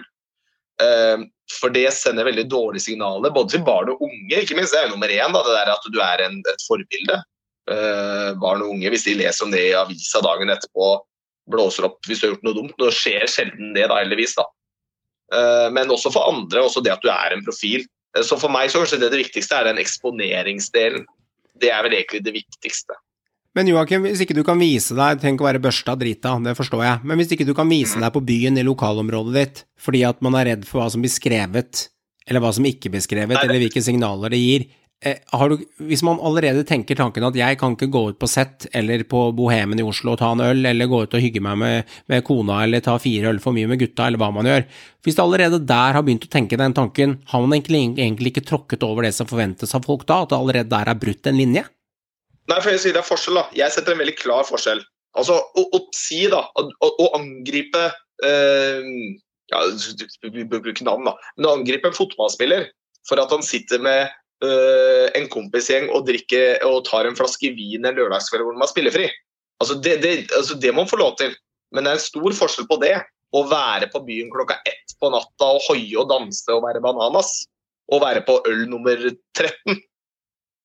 Det er en veldig stor forskjell. Okay. Så Det er det som er Det er lov å drikke alkohol i Norge. Det er lov til å drikke øl og vin til maten. Det er lov til å kose seg litt iblant. Eh, Men man må velge omfang og tid og sted. Og litt i forhold til eksponering. Da kanskje ikke velg det stedet hvor det er mest trøkk på byen hver eneste lørdag. Det gir et veldig dårlig, eh, dårlig bilde til de som ser deg, da. Altså, for min del så, så, så vil jeg jo si at vi er jo i en riktig retning hvis vi sammenligner nå kontra 20 år tilbake. Altså hvis vi tar 2000-tallet, da. Det er en stor forskjell nå, men samtidig så er vi også mye mer profesjonelle nå. og Fotballen har jo selvfølgelig forandra seg på alle mulige måter. Det var jo også mye lettere å gå ut og ta en øl før, og det var ingen som sa så veldig mye på det da.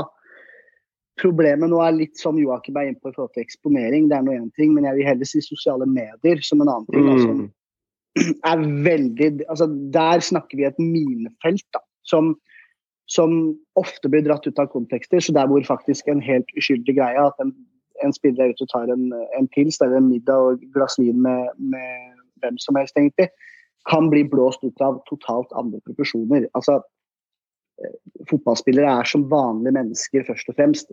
Fotballen er jobben deres, men alle, eller veldig mange, liker å gå og ta seg en øl etter jobb.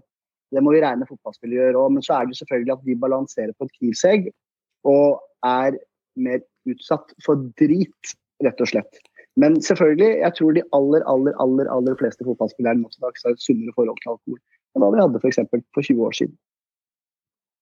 Det er jeg enig med deg, Meran. Det var en annen drikkekultur før. Det var mer akseptert å ta seg en fest i ny og ne i løpet av sesong osv. Altså, vi alle har jo vært borti og sett eh, x antall eliteseriespillere på uh, utesteder i uh, Norges land her og der. Det, vi trenger ikke å nevne navn, men det har vi nok alle sett opp gjennom årene når vi har fulgt med norsk fotball. og Litt skandaler her og der har det vært. Vi husker jo det famøse nachspielet i Bergen som tok kaka i fjor. Sånn kan man ikke opptre når man er eliteseriespiller. Det er jo langt, langt, langt over streken. Men at du kan ta deg en øl med lagkompiser eller eventuelt andre eh, venner og bekjente når det er spillefri etter sesong, i sommerferien Altså, De er jo mennesker, de her gutta. også. De er ikke maskiner. De, alle her trenger ikke å være som Cristiano Ronaldo, som du nevner, Joakim. Det syns jeg er helt innafor. Men, men utprega fyll i din eh, på, ditt, på den eh, lokale kjøttmarkedet i byen, der hvor du eh, bor og holder til, det bør du jo kanskje Å være kanakas drita og henge over baren der og holde på, det er jo over grensa, mener jeg. Så du må jo uh, vekte deg på tid, sted og rom. Og, og, og se an når det faktisk passer seg å ta en fest. Og så må du jo uh, skjønne at du er profilert. Du, du har et navn, du blir gjenkjent. Du, uh, folk prater. Sånn er det jo i dag, og, og det må du jo selvfølgelig passe deg for. Så ikke du får et stempel så det går utover kulturen og anseelsen for deg som eh, idrettsutøver og person, men også da laget du spiller for.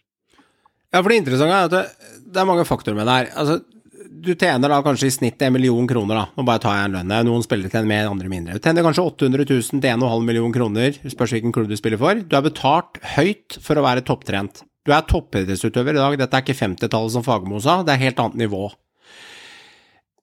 Kjøper man ikke tiden litt til spilleren at han skal være toppidrettsutøver 24 timer i døgnet? Jeg forstår at man har en frihet til en viss grad, men tenk deg all fansen som reiser på bortebane, bruker pengene på å reise og se lagene sine, eh, og i dag så er marginene så små mot å havne på en femteplass i Eliteserien versus å ta en medalje eller ta et gull eller komme til Europa, at fortjener man egentlig ikke at de er 100% dedikerte? Og siste spørsmålet der, bare for å ta helheten i det. Hvis man restituerer kroppen gjennom skader, eller treningshverdag. Ved å drikke alkohol eller unne seg disse tingene her, så setter man kroppen tilbake. Altså, alkohol er jo gift for kroppen, og det er jo ikke helt bra for mennesker som er i den type form de er, versus Ola Dunk som jobber på industrien nede i Krokstadelva. Det er to forskjellige nivåer, og bør man ikke forvente mer av de da? Det er tanken min der, da. Ja, igjen så mener jeg at det handler om mengde. Uh, og, og, og ikke bare mengde, men hyppighet. Det er det det går på. Okay. Altså, det er ingen Hvis du har en, hvis du har en godt trent kropp, så, så tåler den eh, tre enheter alkohol i måneden utenom at noe går til spille. Og til og med mer enn det òg. Ja, og mer enn det. Altså, nå bare tok jeg et lavt tall bare for, for det. Fordi poenget er at eh, du, den er ute av kroppen din i løpet av 24 timer allikevel. Altså i kortere tid, sannsynligvis eh, 12-18 timer, så er det ute. Eh, så igjen, det handler om mengde, og det handler om hyppighet. Og det er det som er hele poenget her. altså å nekte dem å drikke eh, glass rødvin på lørdagsmiddagen med kona. Selv, selv om det er dagen før en fotballkamp, om du drikker glass rødvin til middagen, så går ikke det utover den kampen. Det kan jeg ganske okay. nøyaktig si at det ikke kommer til å gjøre. Enig, Joakim, men da er spørsmålet, sånn som skjedde i Brann, uten å gå i dybden på det, at det gikk Ja, helt, det helt til Las Vegas-style, eller at du er ute på byen og svinger deg til halv to på natta, er det akseptabelt? Nei, det mener jeg Men ikke. det det vi er inne på her. Tid, sted Ja. og rom og eksponering og okay. den biten der. Men mitt poeng, da, i lagidrett Det kan være vel så viktig for moralen og kulturen i laget å ta seg en fest sammen. For det bringer deg nærmere uh, hverandre. Og det kan faktisk også i en prestasjonsgruppe gjøre at stemninga og, og prestasjonen uh, på banen blir bedre av å ta seg en fest sammen. For du blir mer knytta. Men selvfølgelig, du må jo vurdere når det passer seg. Og det Ja. viste jo Brann-spillerne i fjor. eh, Et, som et veldig godt eksempel på når det ikke passer seg å dra det for langt. Eh, ikke sant? Så, men jeg mener at det, å ta seg en fest med gutta på laget, når det er spillefri, når det er rom for å gjøre det, ser ikke jeg på som noe problem. Okay. Nei. Ok. Der er vi enige, men for å gå tilbake til poenget til Johan, som er ekstremt viktig å underprate, det er at ni av ti tilfeller da, er jo det som Håvard nevner, at de bare tar seg et glass. Det går fint. Problemet er han ene eller han andre spilleren som drar den gjerne litt lenger, som kanskje finner på å gå over til brennevin, da. Eh, og det er 48 timer før kamp, eksempelvis. Du kan ikke regne med å være 100 da, selv om de er idrettsutøvere og de får det fort ut av systemet. Ja, men alkohol henger gjerne litt igjen, spesielt hvis du går over til brennevin. Så jeg føler også at det blir litt naivt å tro at alt ordner seg også. fordi det kan være så viktig at du ikke står kampen ut. da, Det er 89. minutt eller 94. minutt, og du ender opp med ikke klarer eller orker å fullføre det løpet og det returløpet hjem igjen, som at du slipper en mål i sekken da i 94. minutt. Så selvfølgelig, dette er jo satt veldig på spissen, men jeg tror det er naivt å ikke ta det opp, fordi jeg tror det skjer. Og det skjedde i fjor. Jeg skal ikke nevne navnet klubb, eh, og da tenker jeg ikke på Brann. Eh, hvor, hvor spillere kanskje festa og drakk litt for mye. Og det skjer ikke mange steder. Og, og, bare at brann- eh, branncasen den gikk rett til opp- offentligheten. Ja, men, Det men igjen, det er, ikke bare, bra- det er jo ekstremt. ikke bare branncasen. Altså, grunnen, til grunnen til at Glimt i øyet snakket om det i 45 minutter, en time, var jo at tre av Bodø-Glimt-spillerne var observert på byen eh, eh, til 16. mai. Og flere av de har observert i flere situasjoner, uten å nevne hvem. Hvis folk har lyst til å høre, så kan de høre den poden selv. Eh, men eh, flere av spillerne, noen av de har vært skada, andre er på restituering. Eh, og det hindrer restituering, de hindrer at du kommer tilbake. Det går litt utover, de blir observert på byen, som Joakim sier. De dro det litt langt, og det skjedde med Glimt i denne sammenhengen her. Ikke sant?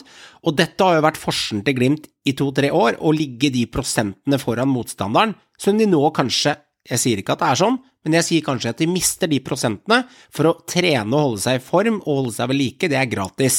Og hvor mye du gjør det, det er fortsatt gratis, ikke sant? Og vilje og innsats er fortsatt gratis. Og hvis du mister de to-tre prosentene, da blir du tatt igjen, da, over tid. Ja, altså, men det jeg tror også er poenget her, som det ofte krasjer på stedet, altså enkelthendelser skjer jo. Uh, og jeg vil tro i veldig mange tilfeller så er dette noe som gjerne skjer uh, med yngre spillere. Eh, veldig ofte.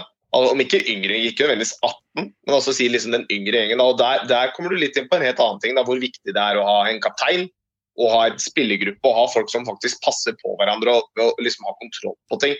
eh, og veit hvor folk er. altså det, Dette går liksom sånn det husker jeg bare sånn for å morsom ting med alle det var liksom sånn England på 90-tallet, liksom, all festing som var der og sånt òg. Husker jeg har sett masse dokumentarer med han, hvordan kapteiner der så, altså Ikke Tony Adams, da. Han, øh, han var jo verst. Men, Han tok kaka. han tok- men Roy Keane der, da, ah, ja. som gikk og passa på spillerne ute på byen. Og liksom og henta dem hjem og sa fra til manager hvor folk var. Gå og hent dem nå, vi skal spille kamp om to dager. Altså, du må ha en sånn gruppe rundt som passer på yngre spillere og passer på at ikke folk skeier ut. Og så vil det skje, for det vil det.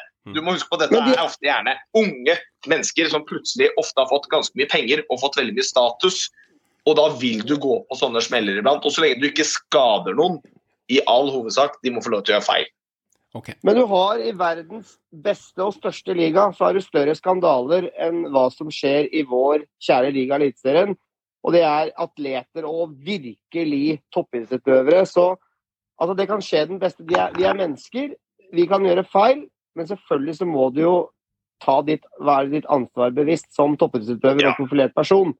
Bruk sunn fornuft, bruk hodet huet, men ta deg en test, test når det passer seg. Det tenker jeg i hvert fall. Enig. Karer, inn i august, vet du. 1. august, akkurat inn i måneden her nå, og eh, ny deilig høstmåned, og sommeren begynner å vinke snart ha det, og alle bladene begynner å falle ned med flotte, fine farger. Endelig satt den for Kristiansund. Hele Norge, inkludert Totsa, avskrevet i. Er det siste skrik, eh, Meran? Er det et lite håp i gjerdet? Er det mulig å se Nå- Moses på berget? Jeg, jeg får jo troa, da. Du er jo, Meran, du er jo romantiker. Jeg er det, men altså når du, når du ser etter kampen, nå blåser jeg i kampen, men når du ser hvor glad Mikkelsen er i intervjuet etter kamp, og han forlater intervjuet og feirer med gutta Jeg møtte meg litt i døra, for det er altså, ikke i fotballsammenheng, men i andre sammenhenger. Det er typisk noe jeg sjøl ville gjort.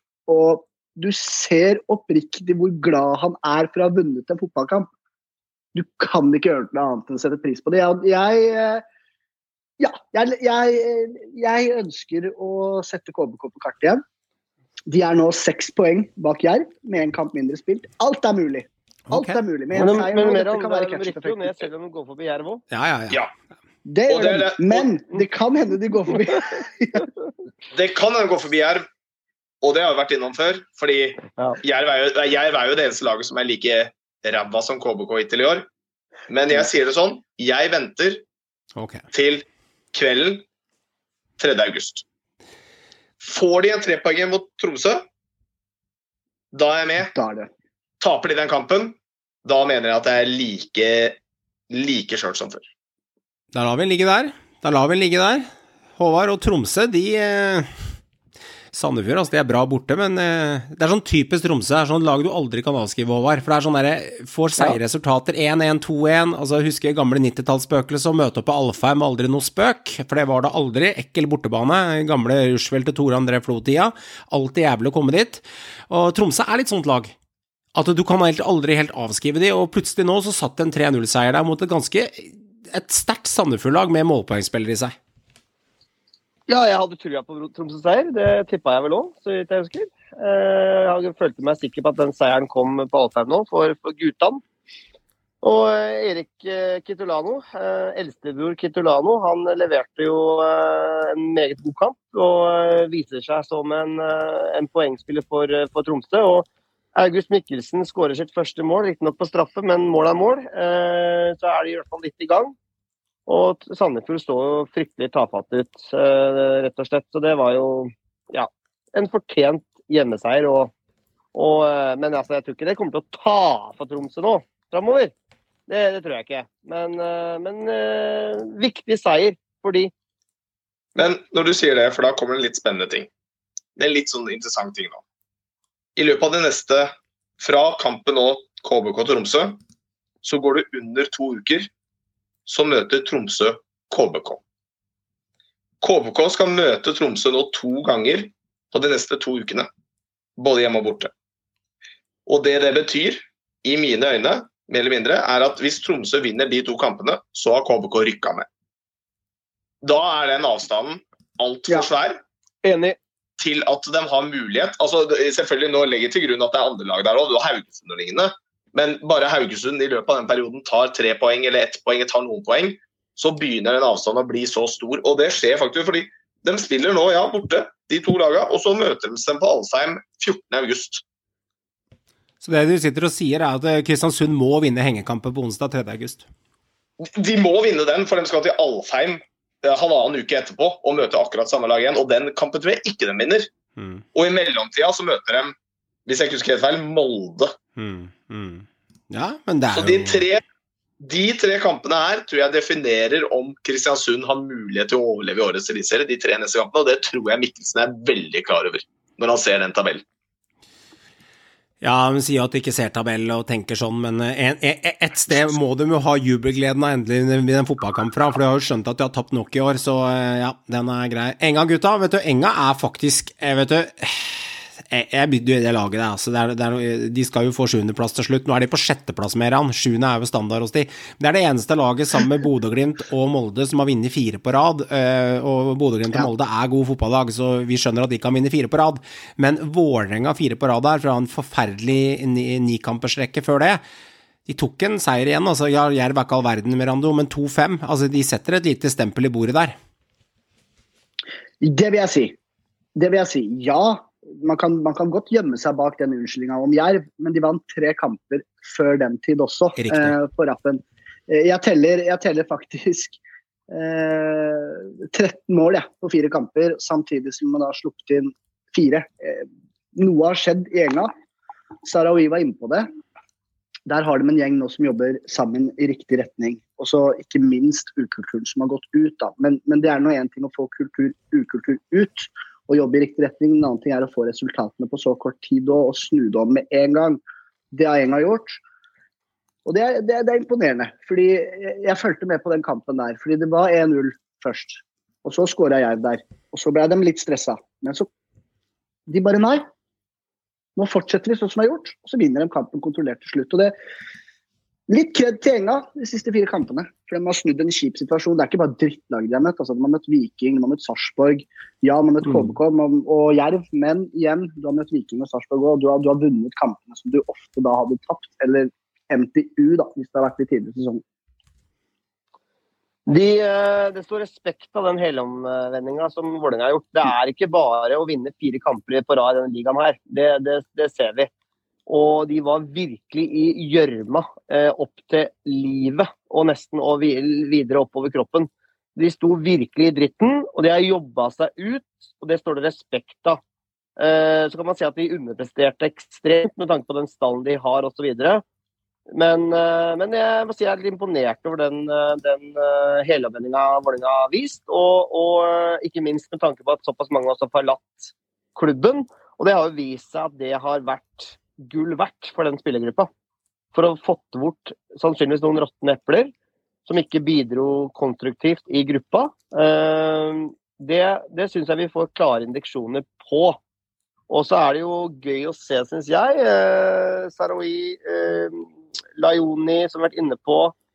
Eh, spillere som man vet har et bra nivå inne, som begynner å vise det. Bjørdal. Eh, Bjørdal, eh, Oldrup, Nation står fram som leder, kaptein, som de virkelig trenger i en sånn eh, holdt jeg på å si, tung tid. da. Vi snakker om det er den verste tida de har opplevd i Vålerenga. Og, og Fagermo har jo vært Han så ikke ut som seg sjøl, han så ut som et, et skall av seg selv. Et litt sånn uh, stusslig skall av eh, en, en eh, hingst, som han egentlig er. Selvsikker med får, fårete glis Ja, osv. Ja, ja. Så, så jeg syns jo det at uh, godeste Fagermo han kler dette her utrolig mye bedre enn som litt sånn derre shaky Aspeløv og usikker eh, ten tenåring første gang på date. ja han, her, han her må ha litt fåresmil. Ja, ja, ja. Få, ulv i fåreklær og full pakke. Så heller det, altså. Enn eh, en sånn eh, tenåring i, i konfirmasjonsdress. Ja, det, det det er jo alle enige om. Altså, ingen trenger Fagermo som spak, eh, kjedelig type. Da, da, da kan Fagermo slutte med fotball, for det er ikke det han er her for. Han skal underholde. Men ikke på banen for det har han ikke alltid gjort for Odd. Men han skal underholde som personen han er. Mm. Men eh, altså, det som er, på- altså, det som, Enga har jo, ikke, har jo vært gode i hele år. Det er det som er hele poenget. De har jo vært gode i hele år. Og det er det, synes, det, det, det overrasker egentlig ikke, men jeg tror du er inne på det veldig, Håvard. I det at de måtte kvitte seg med et eller annet i garderoben som skapte litt støy, som gjorde at ikke de tingene, altså at spillerne ikke fungerte, at ikke de der, altså Saroui og Laioni, at ikke de fungerte sammen. Det var noen som tulla med den trekanten da, som de skal spille. ikke sant? Trekanter, du skal ha det, du er fotballbane. Trekantfotball ikke sant? som skal fungere i sånn triangler hele veien. Og så er det noen som da kuka med det hele år. Mm. Nå har de fått det ut.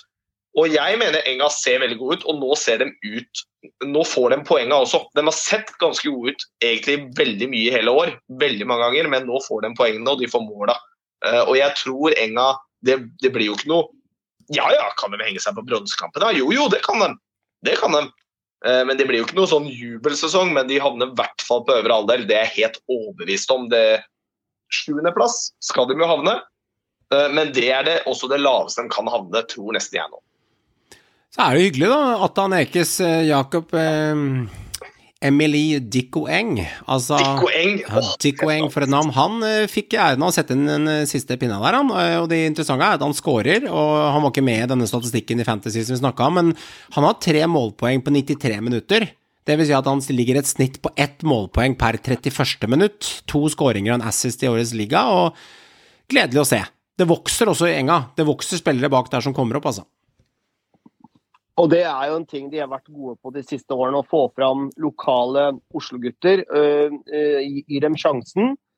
Det, det, det er Vålerenga gode på. Og, og Fagermo han gir unggutta sjansen, og det syns jeg han skal ha honnør for. Og Så får vi se hvordan det blir utover høsten. Jeg har en følelse at dette Vålerenga-laget ja, Det blir ikke noen medalje på dette Oslo-laget.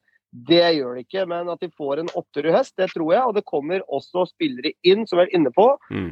Så er vi ei veldig, veldig Det er stille fra sirkusdirektør Joakim Jonsson. Nå må du ut og vise trynet ditt. Komme med noen partysvenske strofer og dra på litt. Eh, Det er lite som minner om sirkusdirektør fra Joakim Jonsson for tiden. Så nå er det på tide at han viser seg litt i media og, og disker opp noen noe feite nyheter. Men han trenger jo ikke være sirkusdirektør, og det må jo være deilig for han. Fordi nå funker plutselig laget. Altså Nå fungerer det som et lag. Og da kan man sitte litt rolig i båten, for de har nok spillere egentlig enga. Jeg, tror jeg mener at det er en av de lagene som faktisk har egentlig nok spillere til å klare sesongen ut. Jeg tror ikke de trenger mye mer. Eh, De må bare få dem til å fungere. Og nå virker det som at de gjør det, da, og da tror jeg det laget kan klare seg veldig bra i år. Det er godt å se, da. Ligger på sjetteplass, hvis du ser med Oslo-øyne. Altså, Vålerenga skal jo tikke inn til en klassisk sjuendeplass, og det, de er i rute. Så, så da ligger de der de skal ligge, for å se det med litt Rosenborg-øyne her, ja. Det er fint. Vet du, gutta, jeg koste meg. Jeg koste meg da jeg satt og så på Odd RBK. Um, forferdelig merkelig kamp. Jeg bare snakker litt om den først, dere ta ordet på den um, etterpå. Og det er kanskje årsverste i første omgang, det Rosenborg har levert eh, i den kampen mot Odd. Det, det har vært noen broilere og noen elendige omganger i RBK i år. og Rosenborg pleier å starte ganske bra i første omganger og heller falt sammen i andre omgangen. Denne gangen her gjorde det motsatt. Vi klarte ikke å komme opp i presset, Odd spilte oss lave. Eh, vi så ut som juniorer og et eh, dårlig andredivisjonslag i en cupkamp mot Odd i første omgangen. Og så skjer det noe. Tagesetten kommer inn i andre omgangen der. De begynner å eh, linke opp mer i midten og spiller enklere opp. Bruker eh, bruker eh, Singsakerløven vår som, eh, og Sæter som, eh, som opp, oppspillspunkt. Fiabema blir ofra der mot taksetten i pausen. Og vi ser det som et helt annet fotballag, og alt bare snur. Alt bare snur. Merkelig dommeravgjørelse som prøver å blåse straffe, som er sånn klassisk mot RBK i 2022, som jeg ser med mine øyne. Mye faenskap i år der, men han gjør om avgjørelsen, akkurat som det er reine Lioncupen ute i Lier, der hvor dommeren sier jeg tok feil, og så plutselig er det ikke straffa likevel. Som igjen er også en merkelig situasjon, for han raner Odd for å få mulighet til å vinne andreballen og sette ballen i mål, som igjen er en følgefeil på følgefeil, for Odd kunne jo scora på returen til Hansen der, selv om Hansen er fint nede og får fista han litt til høyre. Men jeg koste meg i kampen. Og grunnen til at jeg koste meg i kampen, det skjer noe. Det er trøkk. Ja, vi så ikke ut i første omgang, men vi så fryktelig bra ut i andre omgangen, så vi hadde én omgang hver. Så var Rosenborg mest effektive der og fikk seieren til slutt. Men det skjer noe, og det er gøy å se matchen. Og jeg begynner å se et lite håp, at det er noe spennende på gang. Det er, det Rosenborg er et lag som ikke leverer all verden, for vi, jeg har vært ganske harde med de, men det er én ting dette laget her har. Det er et lag til å bli glad i. Du blir glad i spillerne på det laget her, du blir glad i spillertypene. Så du aksepterer litt mer som fan. Du forelsker deg litt mer i typene og spillerne, og det varmer hjertet mitt. Altså, jeg, jeg, vet ikke hvor jeg skal begynne engang. Altså, hvor sinnssykt god førsteomgang Odd leverer kontra sin andreomgang, og Ja. hvor elendig første omgang RBK leverer kontra sin andre omgang. Det var så, altså, det var så store kontraster Ja, ja. på hvert lag i hver sin omgang. Det var en artig kamp å se på som nøytral, for det, det, det var mye sjanser der og mye kontringsball. Men eh, ja, jeg kan, jeg, kan, jeg kan skjønne hva du mener, eh, Krog. fordi det, det begynner å skje noe ting. Det begynner å bygges noen profiler i, i RBK. Eh, spesielt Sæter. Men jeg vil trekke fram Tagsetten, ja, for det skjedde noe når han kom inn. Eh, og han har virkelig vokst siste åra. Hvor vi tidligere prata om at ah, han kom ikke helt til sin rett, for han hadde for gode konkurrenter rundt seg. Til at nå jeg mener at han burde spille hver kamp. Ja. For jeg, jeg så Han bra. er han faktisk. bra Han, han, han jobbet bra, altså. Så, så ja, nei, merkelig kamp. Merkelig kamp. Artig kamp som nøytral. Det er i hvert fall det jeg kan si. Jeg må, jeg må si at eh, det er svakt av Odd å ikke klare å Ja da. punktere kampen. Og da, da når du er såpass uh, såpass mye bedre da, enn en Rosenborg første gang. Det var jo ett lag på banen der, og, og RBK var spilt fryktelig lave og var, som du sier, Krog, de var fryktelig svake. Men helomvending da, og jævlig kul kamp som nøytral tilskuer, det syns jeg. og og jeg syns jo det er jeg må si det er litt herlige scener når Løven, uh, Ole Sæter, bare banker den inn der og, og har brent flere feite sjanser i, i forkant, men så bare er han resolutt og viser seg som en sånn klinisk avslutter. Når han, det er ikke lett å sette den venstre der, altså. Det er trangt der. Nei, det er ikke, det er ikke lett i det hele tatt. Det er Det er en sterk avslutning, og han bør, han bør jo score på noen av de, de sjansene. Han får nesten for god tid. Han. Han, han, han, bruker for lang tid med ball, og han er best når han bare er klinisk og bare, bare, bare, bare banker til i rein Nanskog-stil. Så jeg syns at det, det, der har de en profil, eh, på godt og vondt, i Ole Sæter. Og så syns jeg, og det har jeg sagt lenge, jeg syns at måten de bygger stall på, med unge, eh, fremadstormende spillere, eh, good looking guys med ferdigheter, det liker fansen. Og jeg tror at de har potensielt et nytt storlag på gang. Det er for tidlig i år. Eh, Det er ikke sikkert de holder til medalje heller, det tviler jeg på. Men jeg, synes, jeg liker hvordan de bygger stall. Ja. Jeg liker hvordan de bygger profiler. Og nå har de henta eh, en ny islending med spennende ferdigheter. Kristal Mani Ingasson. Han er klar, det har vi snakket om. Og de har også henta en ny danske i dag. For de må ha mer, mer krutt på topp. Kasper Tengstedt, henta fra, Horsens. Toppskårer i dansk førstedivisjon i fjor. Eh, nå spiller de i, i Superligaen Horsens. Og han er signert i dag på lengre kontrakt. 22 år gammel, vet hvor målet står. For de må ha inn mer folk på topp når Vecchia da er ute og Noah Holm er usikker. Så eh, jeg er spent på hva dansken kan levere. Og, og dansker på topp, Johan, det har vi sett eh, før i RBK. Det har vi, Håvard. Det har vi, og jeg ville kalt han Casper Tankstedt. Kasper! Li- Veldig bra. Den likte du, Akim, Den likte du. Veldig bra dansk. Jeg setter pris på den. Uh, jeg, og det verste, det som er problemet, da, du var inne på fansen liker det. Men poenget er at jeg tror også, selv om kanskje en, en god del andre, spesielt de som sogner mot eh, de litt andre større byene i Norge, vil nok være uenig med meg, da. Men en god del andre, altså poenget er at vi andre fans liker litt òg. Og det er ikke så mye Ikke fordi at ikke fordi nødvendigvis at Rosenborg skal være gode, men det har noe med det at jeg er så lei av å se 30-åringer stå etter en kamp med Rosenborg og si å, dette er ikke RBK. Å, dette er ikke RBK. RBK skulle være bedre enn dette. RBK stolt. RBK uh. Jeg er så lei det. Det jeg vil se, er det jeg vil se nå. Jeg vil se folk som faktisk blør på banen. Mm. Jeg vil ikke se folk som står etterpå og griner fordi RBK var gode på 90-tallet og gode på tidlig 2000-tallet. Det, er det, det driter jo folk i. Mm. Og det mener jeg er forskjellen på RBK nå kontra før. er at vi slipper den derre Jeg har ikke hørt så mye av den sytinga om hvor gode RBK skal være. For det, alle, ingen bryr seg om hvor gode RBK skal være. For de er Eller ikke så gode. Eller var. Det er ingen som bryr seg om det heller. Drit i hvor gode de var. Altså, hvor gode er dere? Mm. Og det er det jeg føler disse gutta da med, og det, det er sånn du er inne på, ikke sant? elendig omgang, god omgang. Men det vil være litt sånn, Ja fordi jeg tror de, de vil i hvert fall, da. De Mm. vil. Altså Selv om de driter seg ut og ikke er gode nok, de vil. Mm. Og de presser det de kan, og de jobber. Uh, og det er veldig gøy med å se Rosenborg spille nå, er- og det har egentlig vært litt i hele år, at du ser at de, mange av de gutta på den banen, de vil. Altså, de ønsker å få til noe. Ja. Eh, opp og og- fram. Og nå begynner det å se fram at det begynner faktisk å bli noe. Nå begynner det, og det, det begynner å skapes noe her. Så eh, eh, Norge trenger et Rosenborg som er godt. Eh, det Mm. trenger de. de trenger ikke et dominerende lag som dominerer ligaen, men de trenger et bra Rosenborg. Og det tror jeg vi kommer til å få, som du er inne på. Ikke nødvendigvis Altså, bra er de jo, men i de neste åra så lover det veldig godt. Ja, altså, er sånn der, De har to tap, da, som vi har vært inne på tidligere. Sju avgjorte og litt seire der. Og så hadde de vikka den kampen mot HamKam, som de kunne ha gjort, men de kunne også ha tapt, og tatt den kampen mot Sarpsborg som røyk på slutten, så hadde de plutselig hatt en fire-fem poeng mer, og da hadde det plutselig vært en helt annen dans på tabellen. Så de er ikke gode nok til å avgjøre det i dag, men to tap sier litt om ærgjerrigheten. Digger Rekdal på én ting som han er god på. Det blir to da, for det blir, eh, eh, blir resultat er resultat.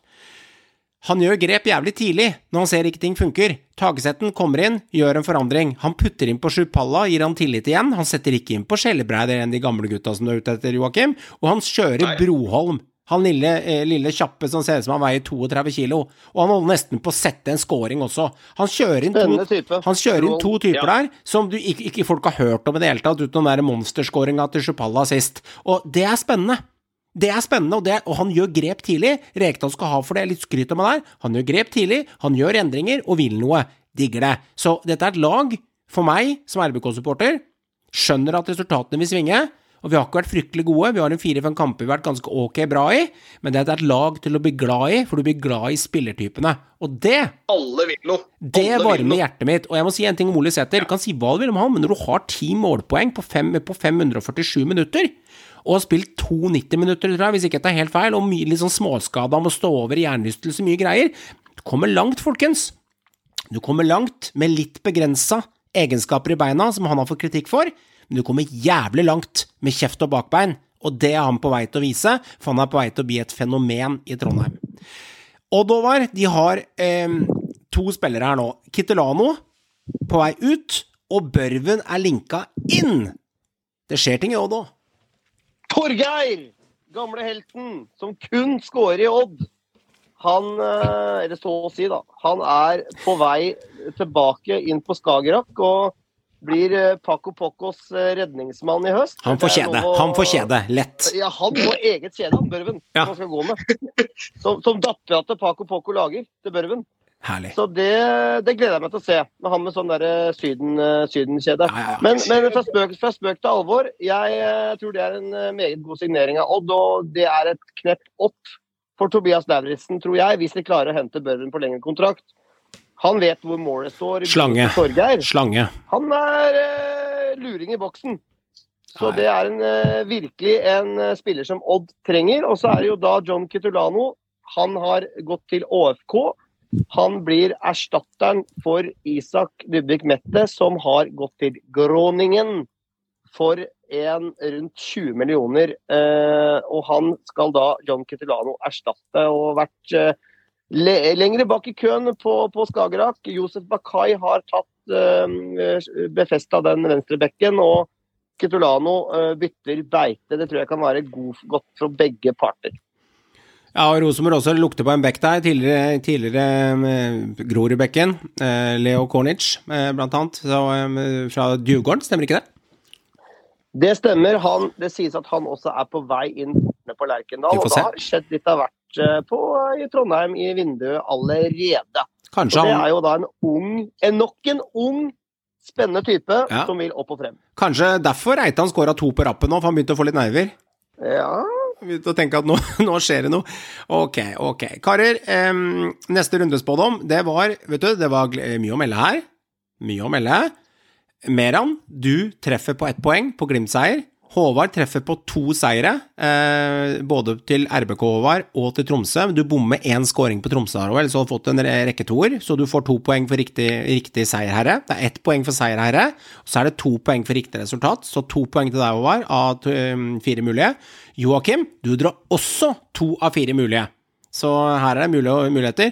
Og jeg bommer på, på kampen min. Jeg bommer på Sarp LSK, null poeng til meg. Og så har jeg hengekampen Kristiansund-Tromsø. Så det er poengstillinga. Håvard har 13 poeng. Joakim har 12 poeng. Merando har 12 poeng, og jeg har 17 poeng. Det er stillinga akkurat nå. Og så har jeg en hengekamp på Kristiansund-Tromsø som spilles onsdag, der jeg kan få Har du, har du regna riktig nå, Krog? ja, jeg har regna riktig. Det er ganske spot on. Den er kopiert og limt inn fra uke etter uke.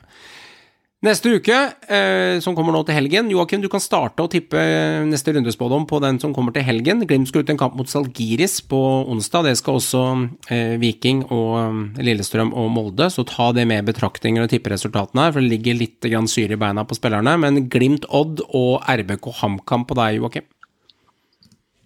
Eh, nei, altså jeg tror at Glimt nå har begynt å få det maskineriet sitt til å fungere ordentlig. Og jeg tror de har spillere bak nå som kan komme inn og rette opp uh, hvis de har noen som er helt ute. Uh, men jeg tror ikke det blir noe sånn voldsom overkjøring. For Odd er ikke noe, de har vist seg ofte å ikke være noe sånn lag du bare kan høvle over. Uh, men jeg tror Glimt vinner. Jeg tror de vinner den kampen. Eh, og de trenger det da, for de, må, de skal koble seg opp på toppen. Ok. Så dette er viktig for dem. Så jeg tror Glimt vinner. Jeg tror eh, de tar det Jeg tror de tar det greit komfortabelt. Eh, jeg tipper 2-0, jeg. ok. Jeg tror Glimt tar det 2-0. Rosenborg-HamKam. Eh, HamKam ser, ser egentlig ikke ut eh, til tider om dagen. Eh, Eriksen jeg- muligens bort. Eriksen allerede borte, kanskje? Eriksen er jo sannsynligvis, sannsynligvis Han er borte da.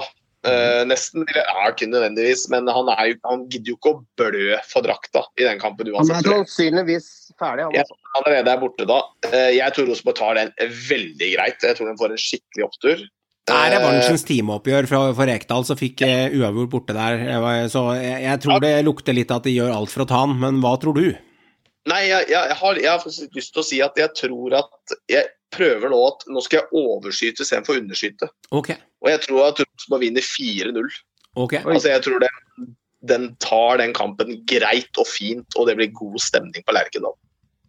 Hmm. Gleder meg. Merando Haugesund-Jerv, publikumsfavoritten denne runden her. Mm. Araberne får noe å feire for på kvelden. Det ender med en 2-1-seier til Haugesund. En Ja. dobbel Søder. Oh, Oi. en dobbel, en dobbel Eller eventuelt en Safaris-skåring på, på en straffespark der. Vi får se. Ai, ai, ai. Men Søder blir involvert. Søder blir involvert. Så er det kanskje skjebnens time for Kristiansund-Molde. Litt av i mente. Det er lokaloppgjør, og Molde har syre i beina. Og Kristiansund må helst vinne. Det er det. Og eh, gamle Meran Eller gamle Meran blir feil å si. Meran for to uker siden hadde sagt To uker siden Da er du blitt gammel, over. Dette her er 2-2-kamp, men nei. Eh, med den formen Molde har vist, og til tross for Europa, og med den bredden de har, så skal de vinne den kampen her 1-3. En. Og her så tror jeg KBK kommer ganske til kort. Den, eh, okay. det blir en tøff kamp. 1-3. Ja, jeg har eh, fått på eh, trekninga her LSK Tromsø. Jeg kjører 3-0 til Lillestrøm, jeg. Jeg tror de vinner 3-0. Ja, det skal ut i europakamp her, og, men jeg tror de er taggade, som de sier i Sverige, så det blir 3-0. Sandefjord Vike er en vanskelig fotballkamp. Um, Ja, det er vanskelig. det- Den har jeg tenkt litt på, for den ender litt alle veier. Men jeg tror ikke Viking er gode nok egentlig til å gjennomføre en europakamp her, eh, og samtidig gå bort og tukte Sandefjord enormt på, eh, i Vestfold. fordi at Sandefjord er ingen enkel bane å, eh, å spille på. Og det er et lag som gjør ofte jobben mot gode lag også. Det er ikke et lag som legger seg ned for noen ting. Jeg tror det blir en litt kjedelig 1-1. Her kommer klassikeren 1-1, og jeg kjører 1-1 på den. Håvard, Godset Sarp og Enga Ålesund. Godset Sarp, ja. To lag som eh, på mange måter eh, ikke er i form. Det er vel ikke noe overdrivelse å si. Mm. Men jeg tror dette her eh, blir en litt sånn kjedelig 1-1-kamp, ja. Ok. Det tror jeg. Um, og så det siste var Enga Ålesund. ja, Jeg tror Vålerenga fortsetter og vinner den kampen 2-0. 2-0. Greit. Glimt Odd 2-0, RBK HamKam 4-0 og Haugesund Jerv 2-1, Kristiansund Molde 1-3, LSK Tromsø 3-0, Sandefjord Viking 1-1, Godset Sarp 1-1, Enge-Ålesund 2-0. Treffer du på riktig resultat, så får du to poeng. Treffer du på seier her eller uavgjort eller hva du har spådd der, så får du ett poeng. Så det er mulig å få to per. Fire poeng per hode. Så karer, dagens siste topic her blir Obos-ligaen. Det er jo hjørnet som eh, er litt sånn kort og godt, det Obos-hjørnet. Håvard er jo alltid fyr og flamme og avslutter med gledens time, men Meran, du har jo sittet på, sittet på Ja. teaterets tredje rad med Stabæk og begynt å krype opp til andre og første rad. Hvordan er stillingen i Obos nå? Nei eh, Vi henger med, da. Vi henger med i kampen om andreplassen. Eh, Håvard skal nok prate litt mer om Brann, og der de har jo nesten vunnet Obos-ligaen allerede. Men, men eh, det, er Ranheim, Stabæk, Sandnes Ulf, Sogndal. Det er noen lag der som, eh, som kniver litt om, om den andreplassen og den siste plassen. Det ble en seier mot Skeid sist, jeg er fornøyd med det. Og så, og så må det nullstilles, og så må de andre kampene vinnes. For jeg, jeg skulle gjerne sett at mitt lag befesta den posisjonen, eh, den andreplassen. Men, men det er klart det er noen poeng bak Ranheim der som har den nå. Alt i alt fornøyd med siste runde med en seier, og så tar vi med oss det. Med fire seire på de siste ti, er det godt nok, Meran? Nei. Og det har jeg vært veldig klar og tydelig på i andre, i andre episoder òg. At jeg, jeg syns ikke det vi som, som klubb eh, driver på med er godt nok. Jeg syns ikke budskapet til Eirik Kjøne er tydelig nok for verken spillerne eller for oss supportere egentlig skjønne noe som helst av. Jeg tror det er litt for innvirka. Jeg tror han i teorien ønsker at vi skal spille som City, men vi mestrer ikke. Um, han er nok den eneste som ser at vi bekkene våre ikke er vingbekker, og ikke burde være vingbekker. Men, men det er noe meg om det som supporter. Alt i alt så er jeg jo fornøyd med at vi, vi, vi i det minste er med der. Og så, så, jeg, så, så må jeg også gå inn i meg sjøl som supporter, da. Liksom ikke, ikke bli for negativt. Uh, for det, det, er, det er dårlig stemning nå i, mellom fansen og klubben. Uh, det er ikke til å legge under en stol. Da. Det, er, det er dårlig stemning. Og så skal jeg prøve å prøve så godt jeg kan da, med å, med å mobilisere meg sjøl til å holde engasjementet mitt oppe. Fordi jeg ser det er så mange som faller gjennom nå, og som, som har meldt seg og blir likegyldige. Og det syns jeg er utrolig trist. Jeg skulle sett at klubben var litt mer på. Men vi er nå med, og så får vi telle opp til slutt. Men dere har i hvert fall en liten gave i gift på topp. Det har vi. Han er klasse.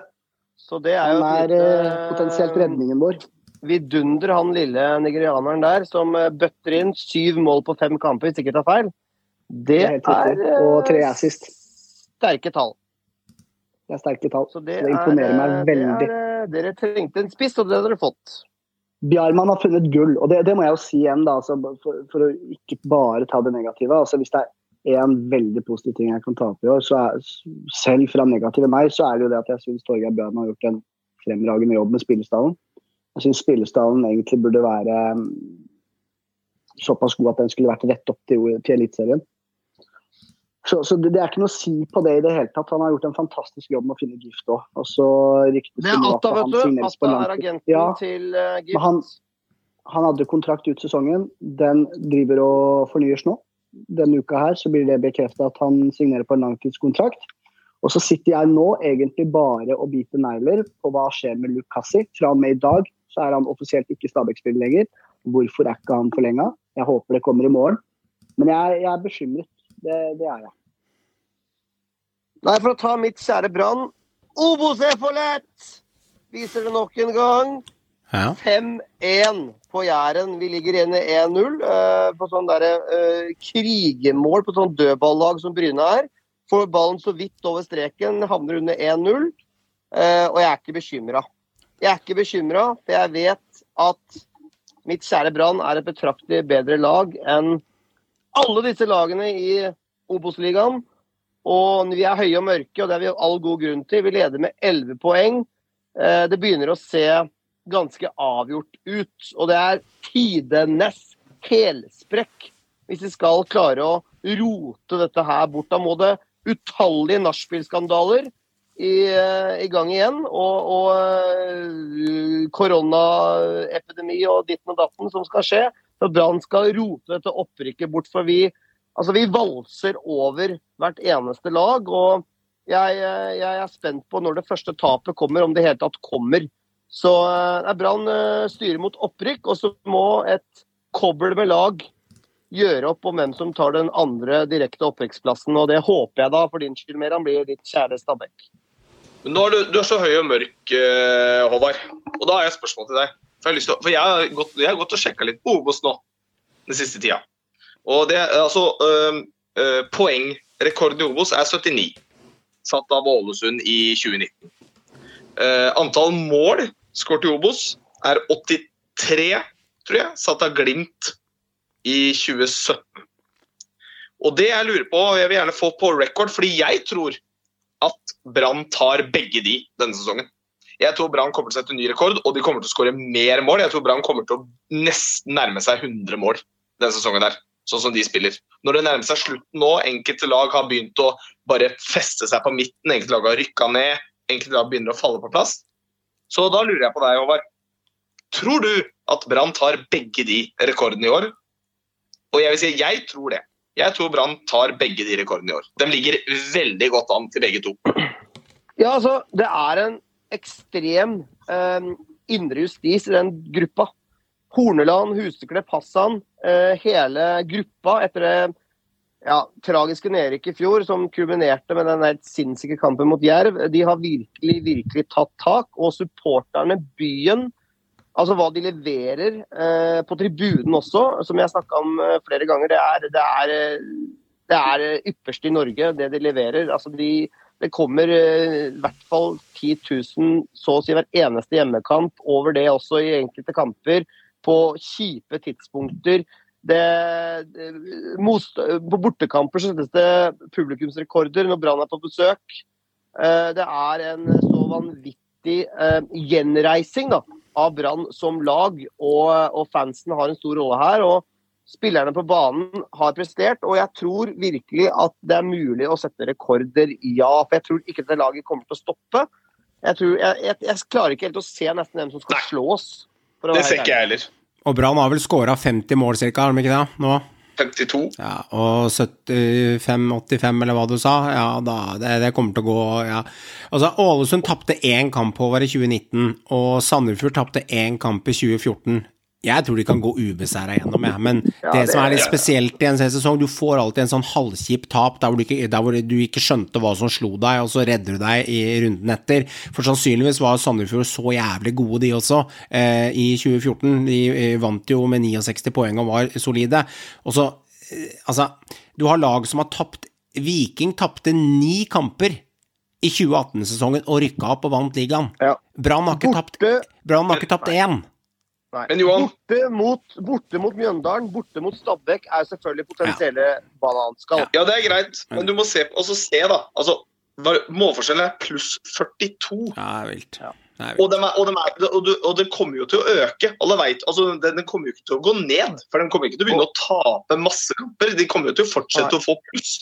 Ja. Og det er jo helt Og jeg, og jeg tror også det at de kommer ikke til å selge en dritt i det vinduet her. Ja, Jeg tror de kommer til å beholde De bygde jo laget allerede i de, fjor. de kommer til å beholde alle gutta de har, og de kommer ikke til å hente noe særlig heller, tror jeg. De kommer til å ha akkurat det vannskapet de har, Mm. og de kommer til å peise på og sette uh, rekord. Rekord på rekord, mange rekorder her. Er un- Under bergenserne, det. Under brygga er Bergen litt eh, glede. Før det, før det selvfølgelig blir røffere i Eliteserien, men de kommer til å få en flying start opp dit. Spørsmål, vet du, Joakim, hvis vi er gærne nok, det er jo å stille et spørsmål om eh, kommer de til å ha 100 plussmål når du har trukket fra pluss mot minus når sesongen er over? Fordi på slutten av sesongen Ja, ja, men hvis du har 42 nå, og det er 17 runder Ja. eh, eh, halvspilt nå cirka, da er det 84 da, hvis du ganger det opp med to, og så må du regne på på slutten av sesongen at de kan få noen 6-0-seire når Grorud og Skeid og gjengen har gitt opp i bunn, da får de feite resultater, og folk skjønner hva jeg mener? Så det er ikke usannsynlig med det maskineriet deres heller. Jo, det- jo, det er usannsynlig at de får 100 plussmål. Det, det, det, det er usannsynlig. Nei, men hva har de nå? Hva har de satt nå? Det var pluss 45, det er greit. Men eh, Ja, det betyr 100 altså, pluss går ikke. jeg, jeg, jeg tror det er vanskelig med 100 pluss. Altså Glimt, når de rykka, var det 50 pluss, og det var jo en det Nei, det skjer ikke. Men, Men å, men å gå ubeseira og sette rekorder, det har jeg, det har jeg trua på. Det som er interessant, Jeg løfter lufter det bare, jeg. det er ikke usannsynlig. de, har, de, har, de har kan skje. poengspillere fra benken. Det er den store forskjellen. Altså, Mm. De kan bare sette inn et Ja arsenal med spillere som holder eliteserienivå fra benken. Og Det er den store forskjellen ikke sant, fra de andre lagene. Det er enorm Ja, forskjell. holder dem egentlig eli- eliteserienivå, for de har ikke fått til så voldsomt mange nye fra i fjor. Vi får se. Vi får se. Det er, ja, de, de har det. Men faktisk. holder Eh, det nivå enn så lenge. ja, vi gjør det. Vi Ja, gjør vi er i Obos. det Ja, ja, ja. Vi må Ja. Vi, det finnes ikke noe mellomliga Obos Eliteserien her. Sånn derre en og en halv liga, sånn mellom et sted. Så vi, Ja vi må behandle dere som, som Obos-rotter i første omgang, Håvard, før dere er Ja, det er verdig. vi er. Vi er Obos-rotter. Vi er gode Obos-rotter. Ja, det vil jeg si. Dere er profilerte med Vi er rotter. ja, Eh, det det er. Uansett, jeg gleder er- meg Jeg gleder meg i hvert fall til Grorud får sin første seier, for de har gått 17 kamper uten å vinne en eneste fotballkamp og ligger på nest sisteplass sammen med Stjørdalsblink på siste, så eh, ingen av de har Stjørdalsblink har vunnet én kamp siste ti, og Grorud har ikke mer enn en uavgjort på de siste ti, så det lukter, det lukter litt grann, eh, tøff respons utover høsten der. Dette ble en lang og herlig episode, masse å snakke om, men gutter, når vi har masse å snakke om, så fyller vi den ut og gir fansen det de vil ha. Det er jo det det handler om. Husk på Synseligaen, det er av fans for fans. Eh, Ønsker du å melde noe, så meld til Håvard på Twitter, og kast deg gjerne inn diskusjoner. Ønsker du å ha kontakt med Meriam på Instagram og melde noe der, så kast deg gjerne i en prat der med han også. Der finner du de gutta. Tusen hjertelig takk for at du deler Synseligaen i sosiale medier, med sosiale medier, og deler med gutta på jobben, eller kona hjemme, eller naboen du deler hageklipperen med, så kos deg masse. Nå er august her, mange deilige overganger, og høstsesongen, da skal poengene sankes. Hei så lenge. Dette dreier seg ikke om taktikk. Det dreier seg om å ville ta ut det du har i magen. Dere er gode. Skjønn at dere er gode. David Hansen!